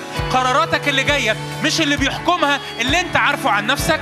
قراراتك اللي جاية بيحكمها اللي الرب بيقوله على حياتك واللي الرب أعلنه ليك من من أبوة من محبة من قيادة من حكمة من سلطان من معية من تجديد من بركة من وفرة من خير من إرسالية من رعاية لأن هو أبوك. هللويا. هو أبوك. روح الله اعلن اعلن اعلن في اسم يسوع. أوه من بنقلة في الإعلان ارفع إيدك معايا. ارفع إيدك ده جزء من اللي كان حاصل في المؤتمر اللي فات.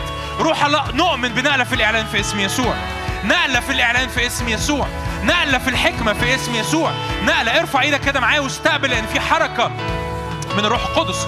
روح الله نقلة في الإعلان نقلة في الحكمة نقلة في الاستنارة في اسم يسوع فنقلة في الامتلاك. هللويا! نقلة في الامتلاك. روح الله نقلة في الإعلان نقلة في الاستنارة نقلة في الحكمة فنقلة في الامتلاك والاختبار في اسم الرب يسوع. لا نكون أطفال لا نكون أطفال لا نكون قصر ما نكونش قاصرين لكن نمتلك المواريث. نمتلك المواريث. نمتلك المواريث في اسم يسوع. نمتلك المواريث في اسم يسوع. اسم يسوع. في اسم يسوع. في اسم يسوع. هللويا. هللويا.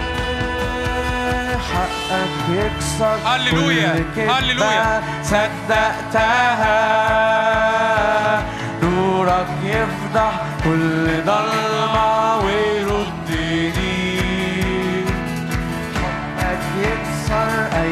أي حصن لو كان عالي وفي عينيك أنا بعرف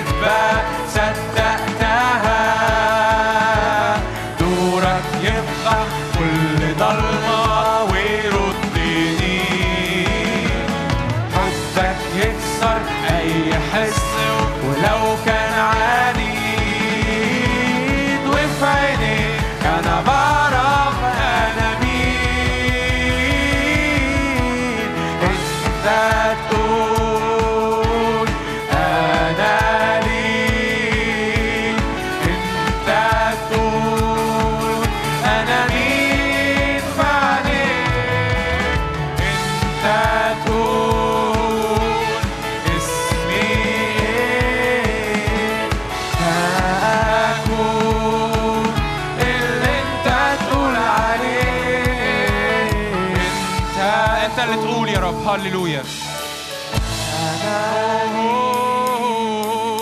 انت انت اللي تقول انت اللي تنطق انت اللي ترسم المستقبل.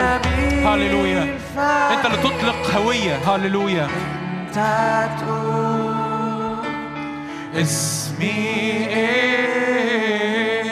هللويا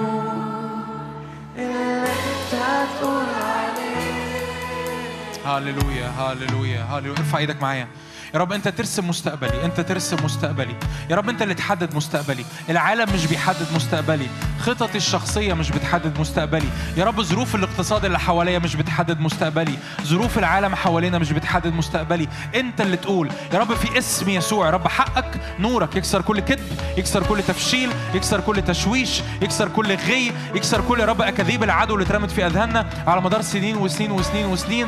في اسم الرب يسوع نورك. يطلق حرية. نورك يطلق فرح نورك يطلق حريه الإعلان بي... الإعلان بي... بيفرح. الإعلان بيفرح. تلميذي عمواس لما كانوا ماشيين مع الرب يسوع لكن ما كانوش شايفينه ما كانوش مدركينه كانوا حزانى. لكن لما لما شافوا الرب فرحوا.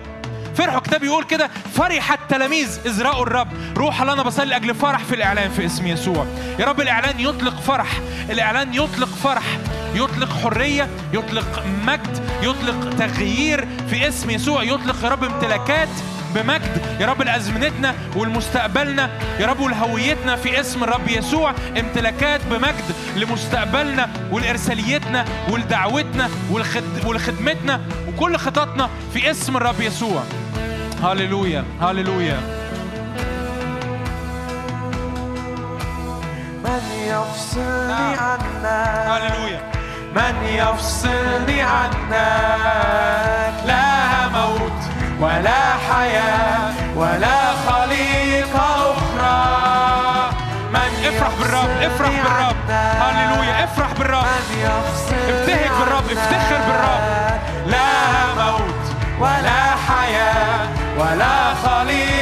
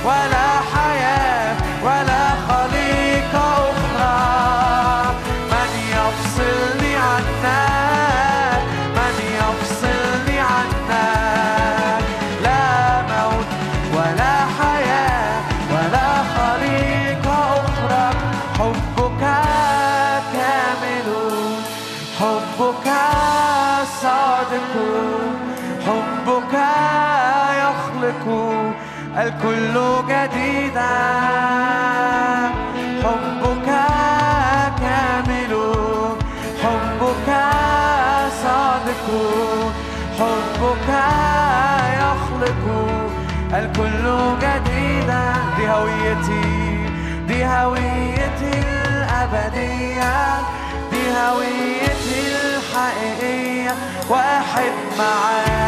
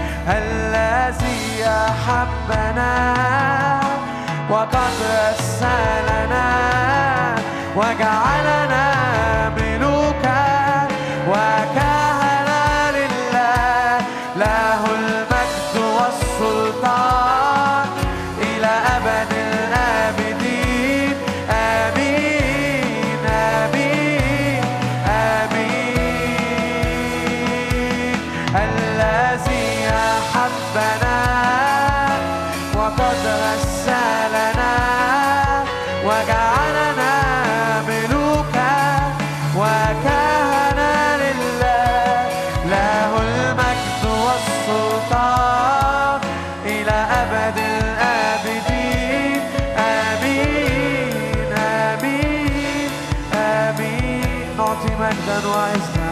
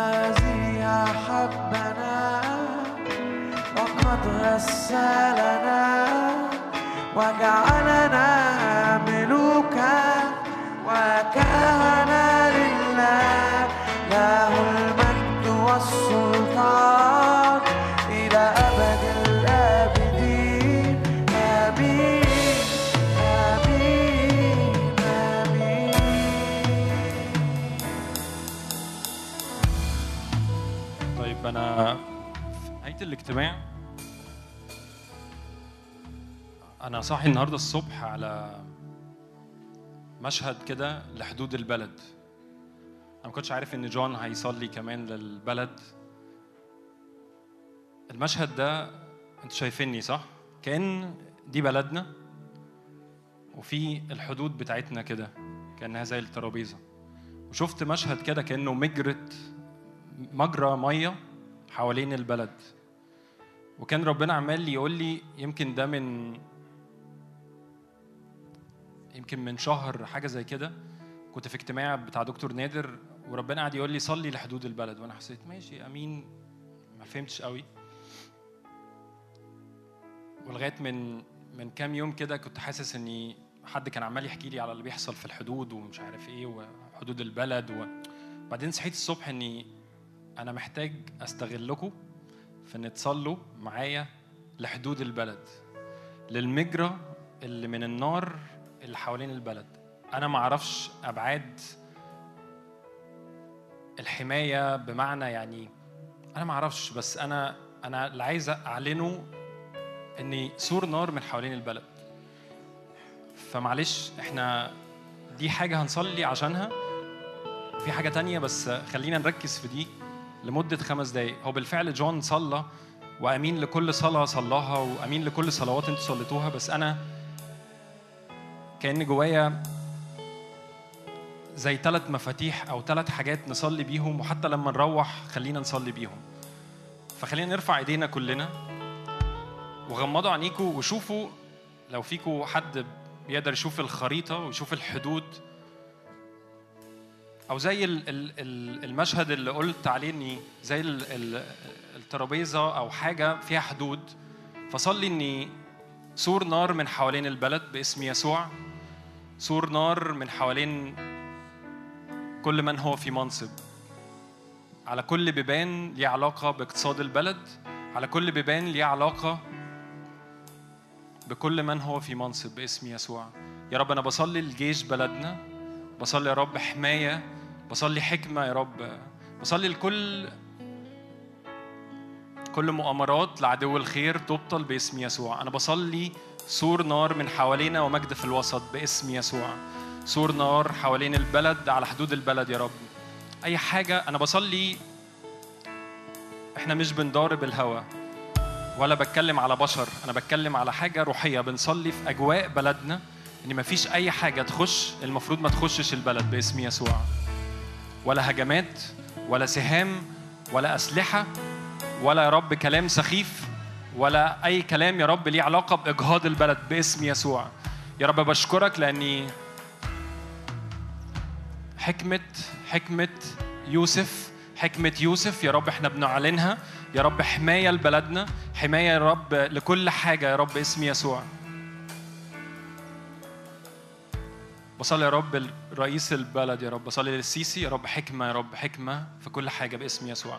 أيا كان أنت متفق أو مش متفق صلي. هو قال الكتاب صلوا لكل من هو في منصب. باركوا باركوا باركوا كل من هو في منصب. متفق أو مش متفق شايف إني أصل المفروض كانوا يعملوا أو ما يعملوش. يا روح الله حكمة حكمة الله الآن يا رب. يا رب إحنا ما نبقاش بنتفق يا رب مع العدو ضد البلد لكن بنتفق مع مقاصدك يا رب لنهضة البلد لنجاح البلد باسم يسوع. يا رب شكرا لأني لأني بتوقفنا يا رب في الثغر يا رب لأجل البلد دي يا رب. بصلي يا رب لغزة بصلي يا رب للأردن بصلي يا رب للبنان بصلي يا رب باسم يسوع يا رب لإسرائيل بصلي يا رب حماية بصلي حماية باسم يسوع.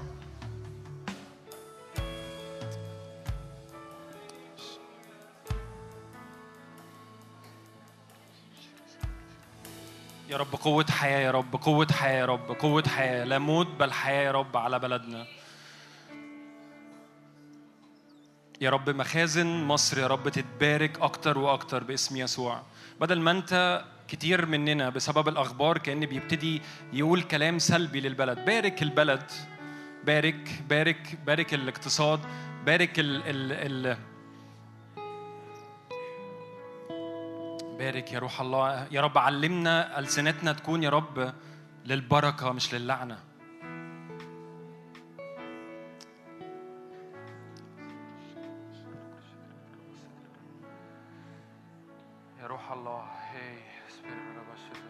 يا رب مش بقدرتنا ولا بقوتنا لكن بروحك يا رب بقوة رب الجنود يا رب. إحنا بنعلن تاني يا رب رافعين ايدينا من أجل حدود البلد باسم يسوع. مفيش حاجة تدخل أو تخرج يا رب باسم يسوع. سور نار سور نار مجرى من من المية كده حوالين البلد كلها باسم يسوع. ملائكة مقتدرة قوة يا رب واقفة على حدود البلد باسم يسوع. مفيش حاجة تدخل أو تخرج باسم يسوع. أمين. معلش الحاجة التانية. أنا صاحي النهاردة الصبح على كلمة بتتقال يمكن في الجيش المصري. مصنع الرجال. حد سمعها قبل كده؟ بعدين بقول له أيوه يا رب يعني إيه مصنع الرجال؟ فقال لي مصنع الرجال جون مرقص. أنا- إيه؟ أنا فارق معايا قوي أكرم قلب جون. و من حوالي سنتين ونص فاكر كنا عند قاعدين قاعدة كده وبعدين ربنا وراني مصنع وإنتاج خط إنتاج. وساعتها أنا فاكر كويس قوي صليت مع جون كنا قاعدين قاعدة وبعدين قلت كل إنتاج بيخرج منه يستمر.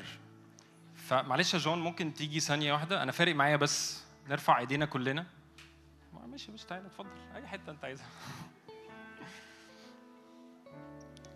صلي لكل عارفين المصانع؟ المصنع بيعمل إيه؟ بينتج بيطلع بيخرج. هو ده اللي جون بيعمله. ف... فكل حاجة على مدار حياتك شفتها من جون شفت منه بنيان حصل في حياتك إنتاج كأن كأن زي أنتج حاجة واداها لك فأنت محتاج ترد. ببركة إنك تبارك بيته تبارك عيلته تبارك المصنع اللي بيخرج منه. يا رب أنا بشكرك لأن جون بيخرج رجال في الملكوت يا رب. يا رب بشكرك لأن يا رب بكلمته يا رب كأن ال- المشهد اللي جوايا إني عارفين بلاطة ورا بلاطة بتتبني. كأن سما جديدة وأرض جديدة. كلمة كتير بنصليها. لكن كل اللي جوايا اني بسبب جون اللي بيصليه كأن بيعمل بلاطة وناس وراه بتمشي. فبسبب كلامه وصلاته في بلاطة ورا بلاطة ورا سما جديدة ففي امتلاك جديد. يا رب بشكرك لأني كل حاجة يا رب اتفتحت على حياته يا رب. هو بيقرر يديها لنا يا رب بيقرر ي- يحطها بيقرر يا رب يغسل رجلينا بيقرر يتواضع.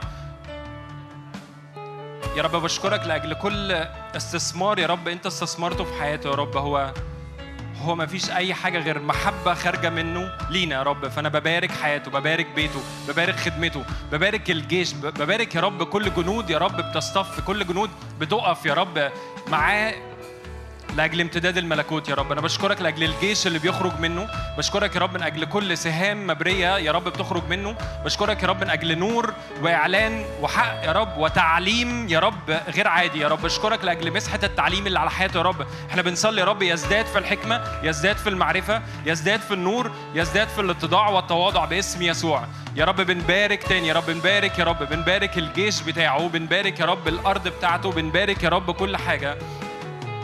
باسم يسوع. صلي كده ما تصليش ما تصليش قد ما انت بارك. اطلق بركة اطلق بركة. كل حاجة جون وقف فيها معاك وقف في ظهرك من مكالمة تليفون من واتساب من من صلاة صلاها معاك وبارك. اعلن بركة اعلن بركة. شوف كده.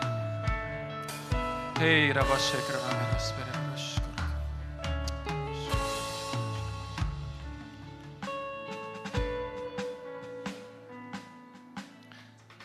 يا رب بشكرك لأجل قوة وسلطان جديده يا رب على حياته باسم يسوع.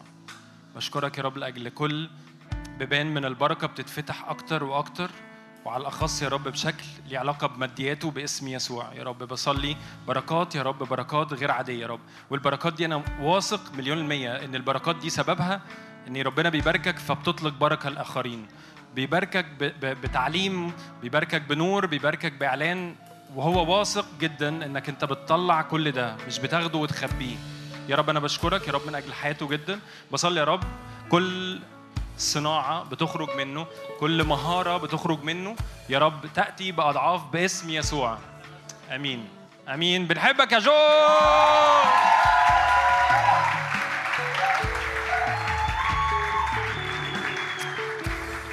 أمين.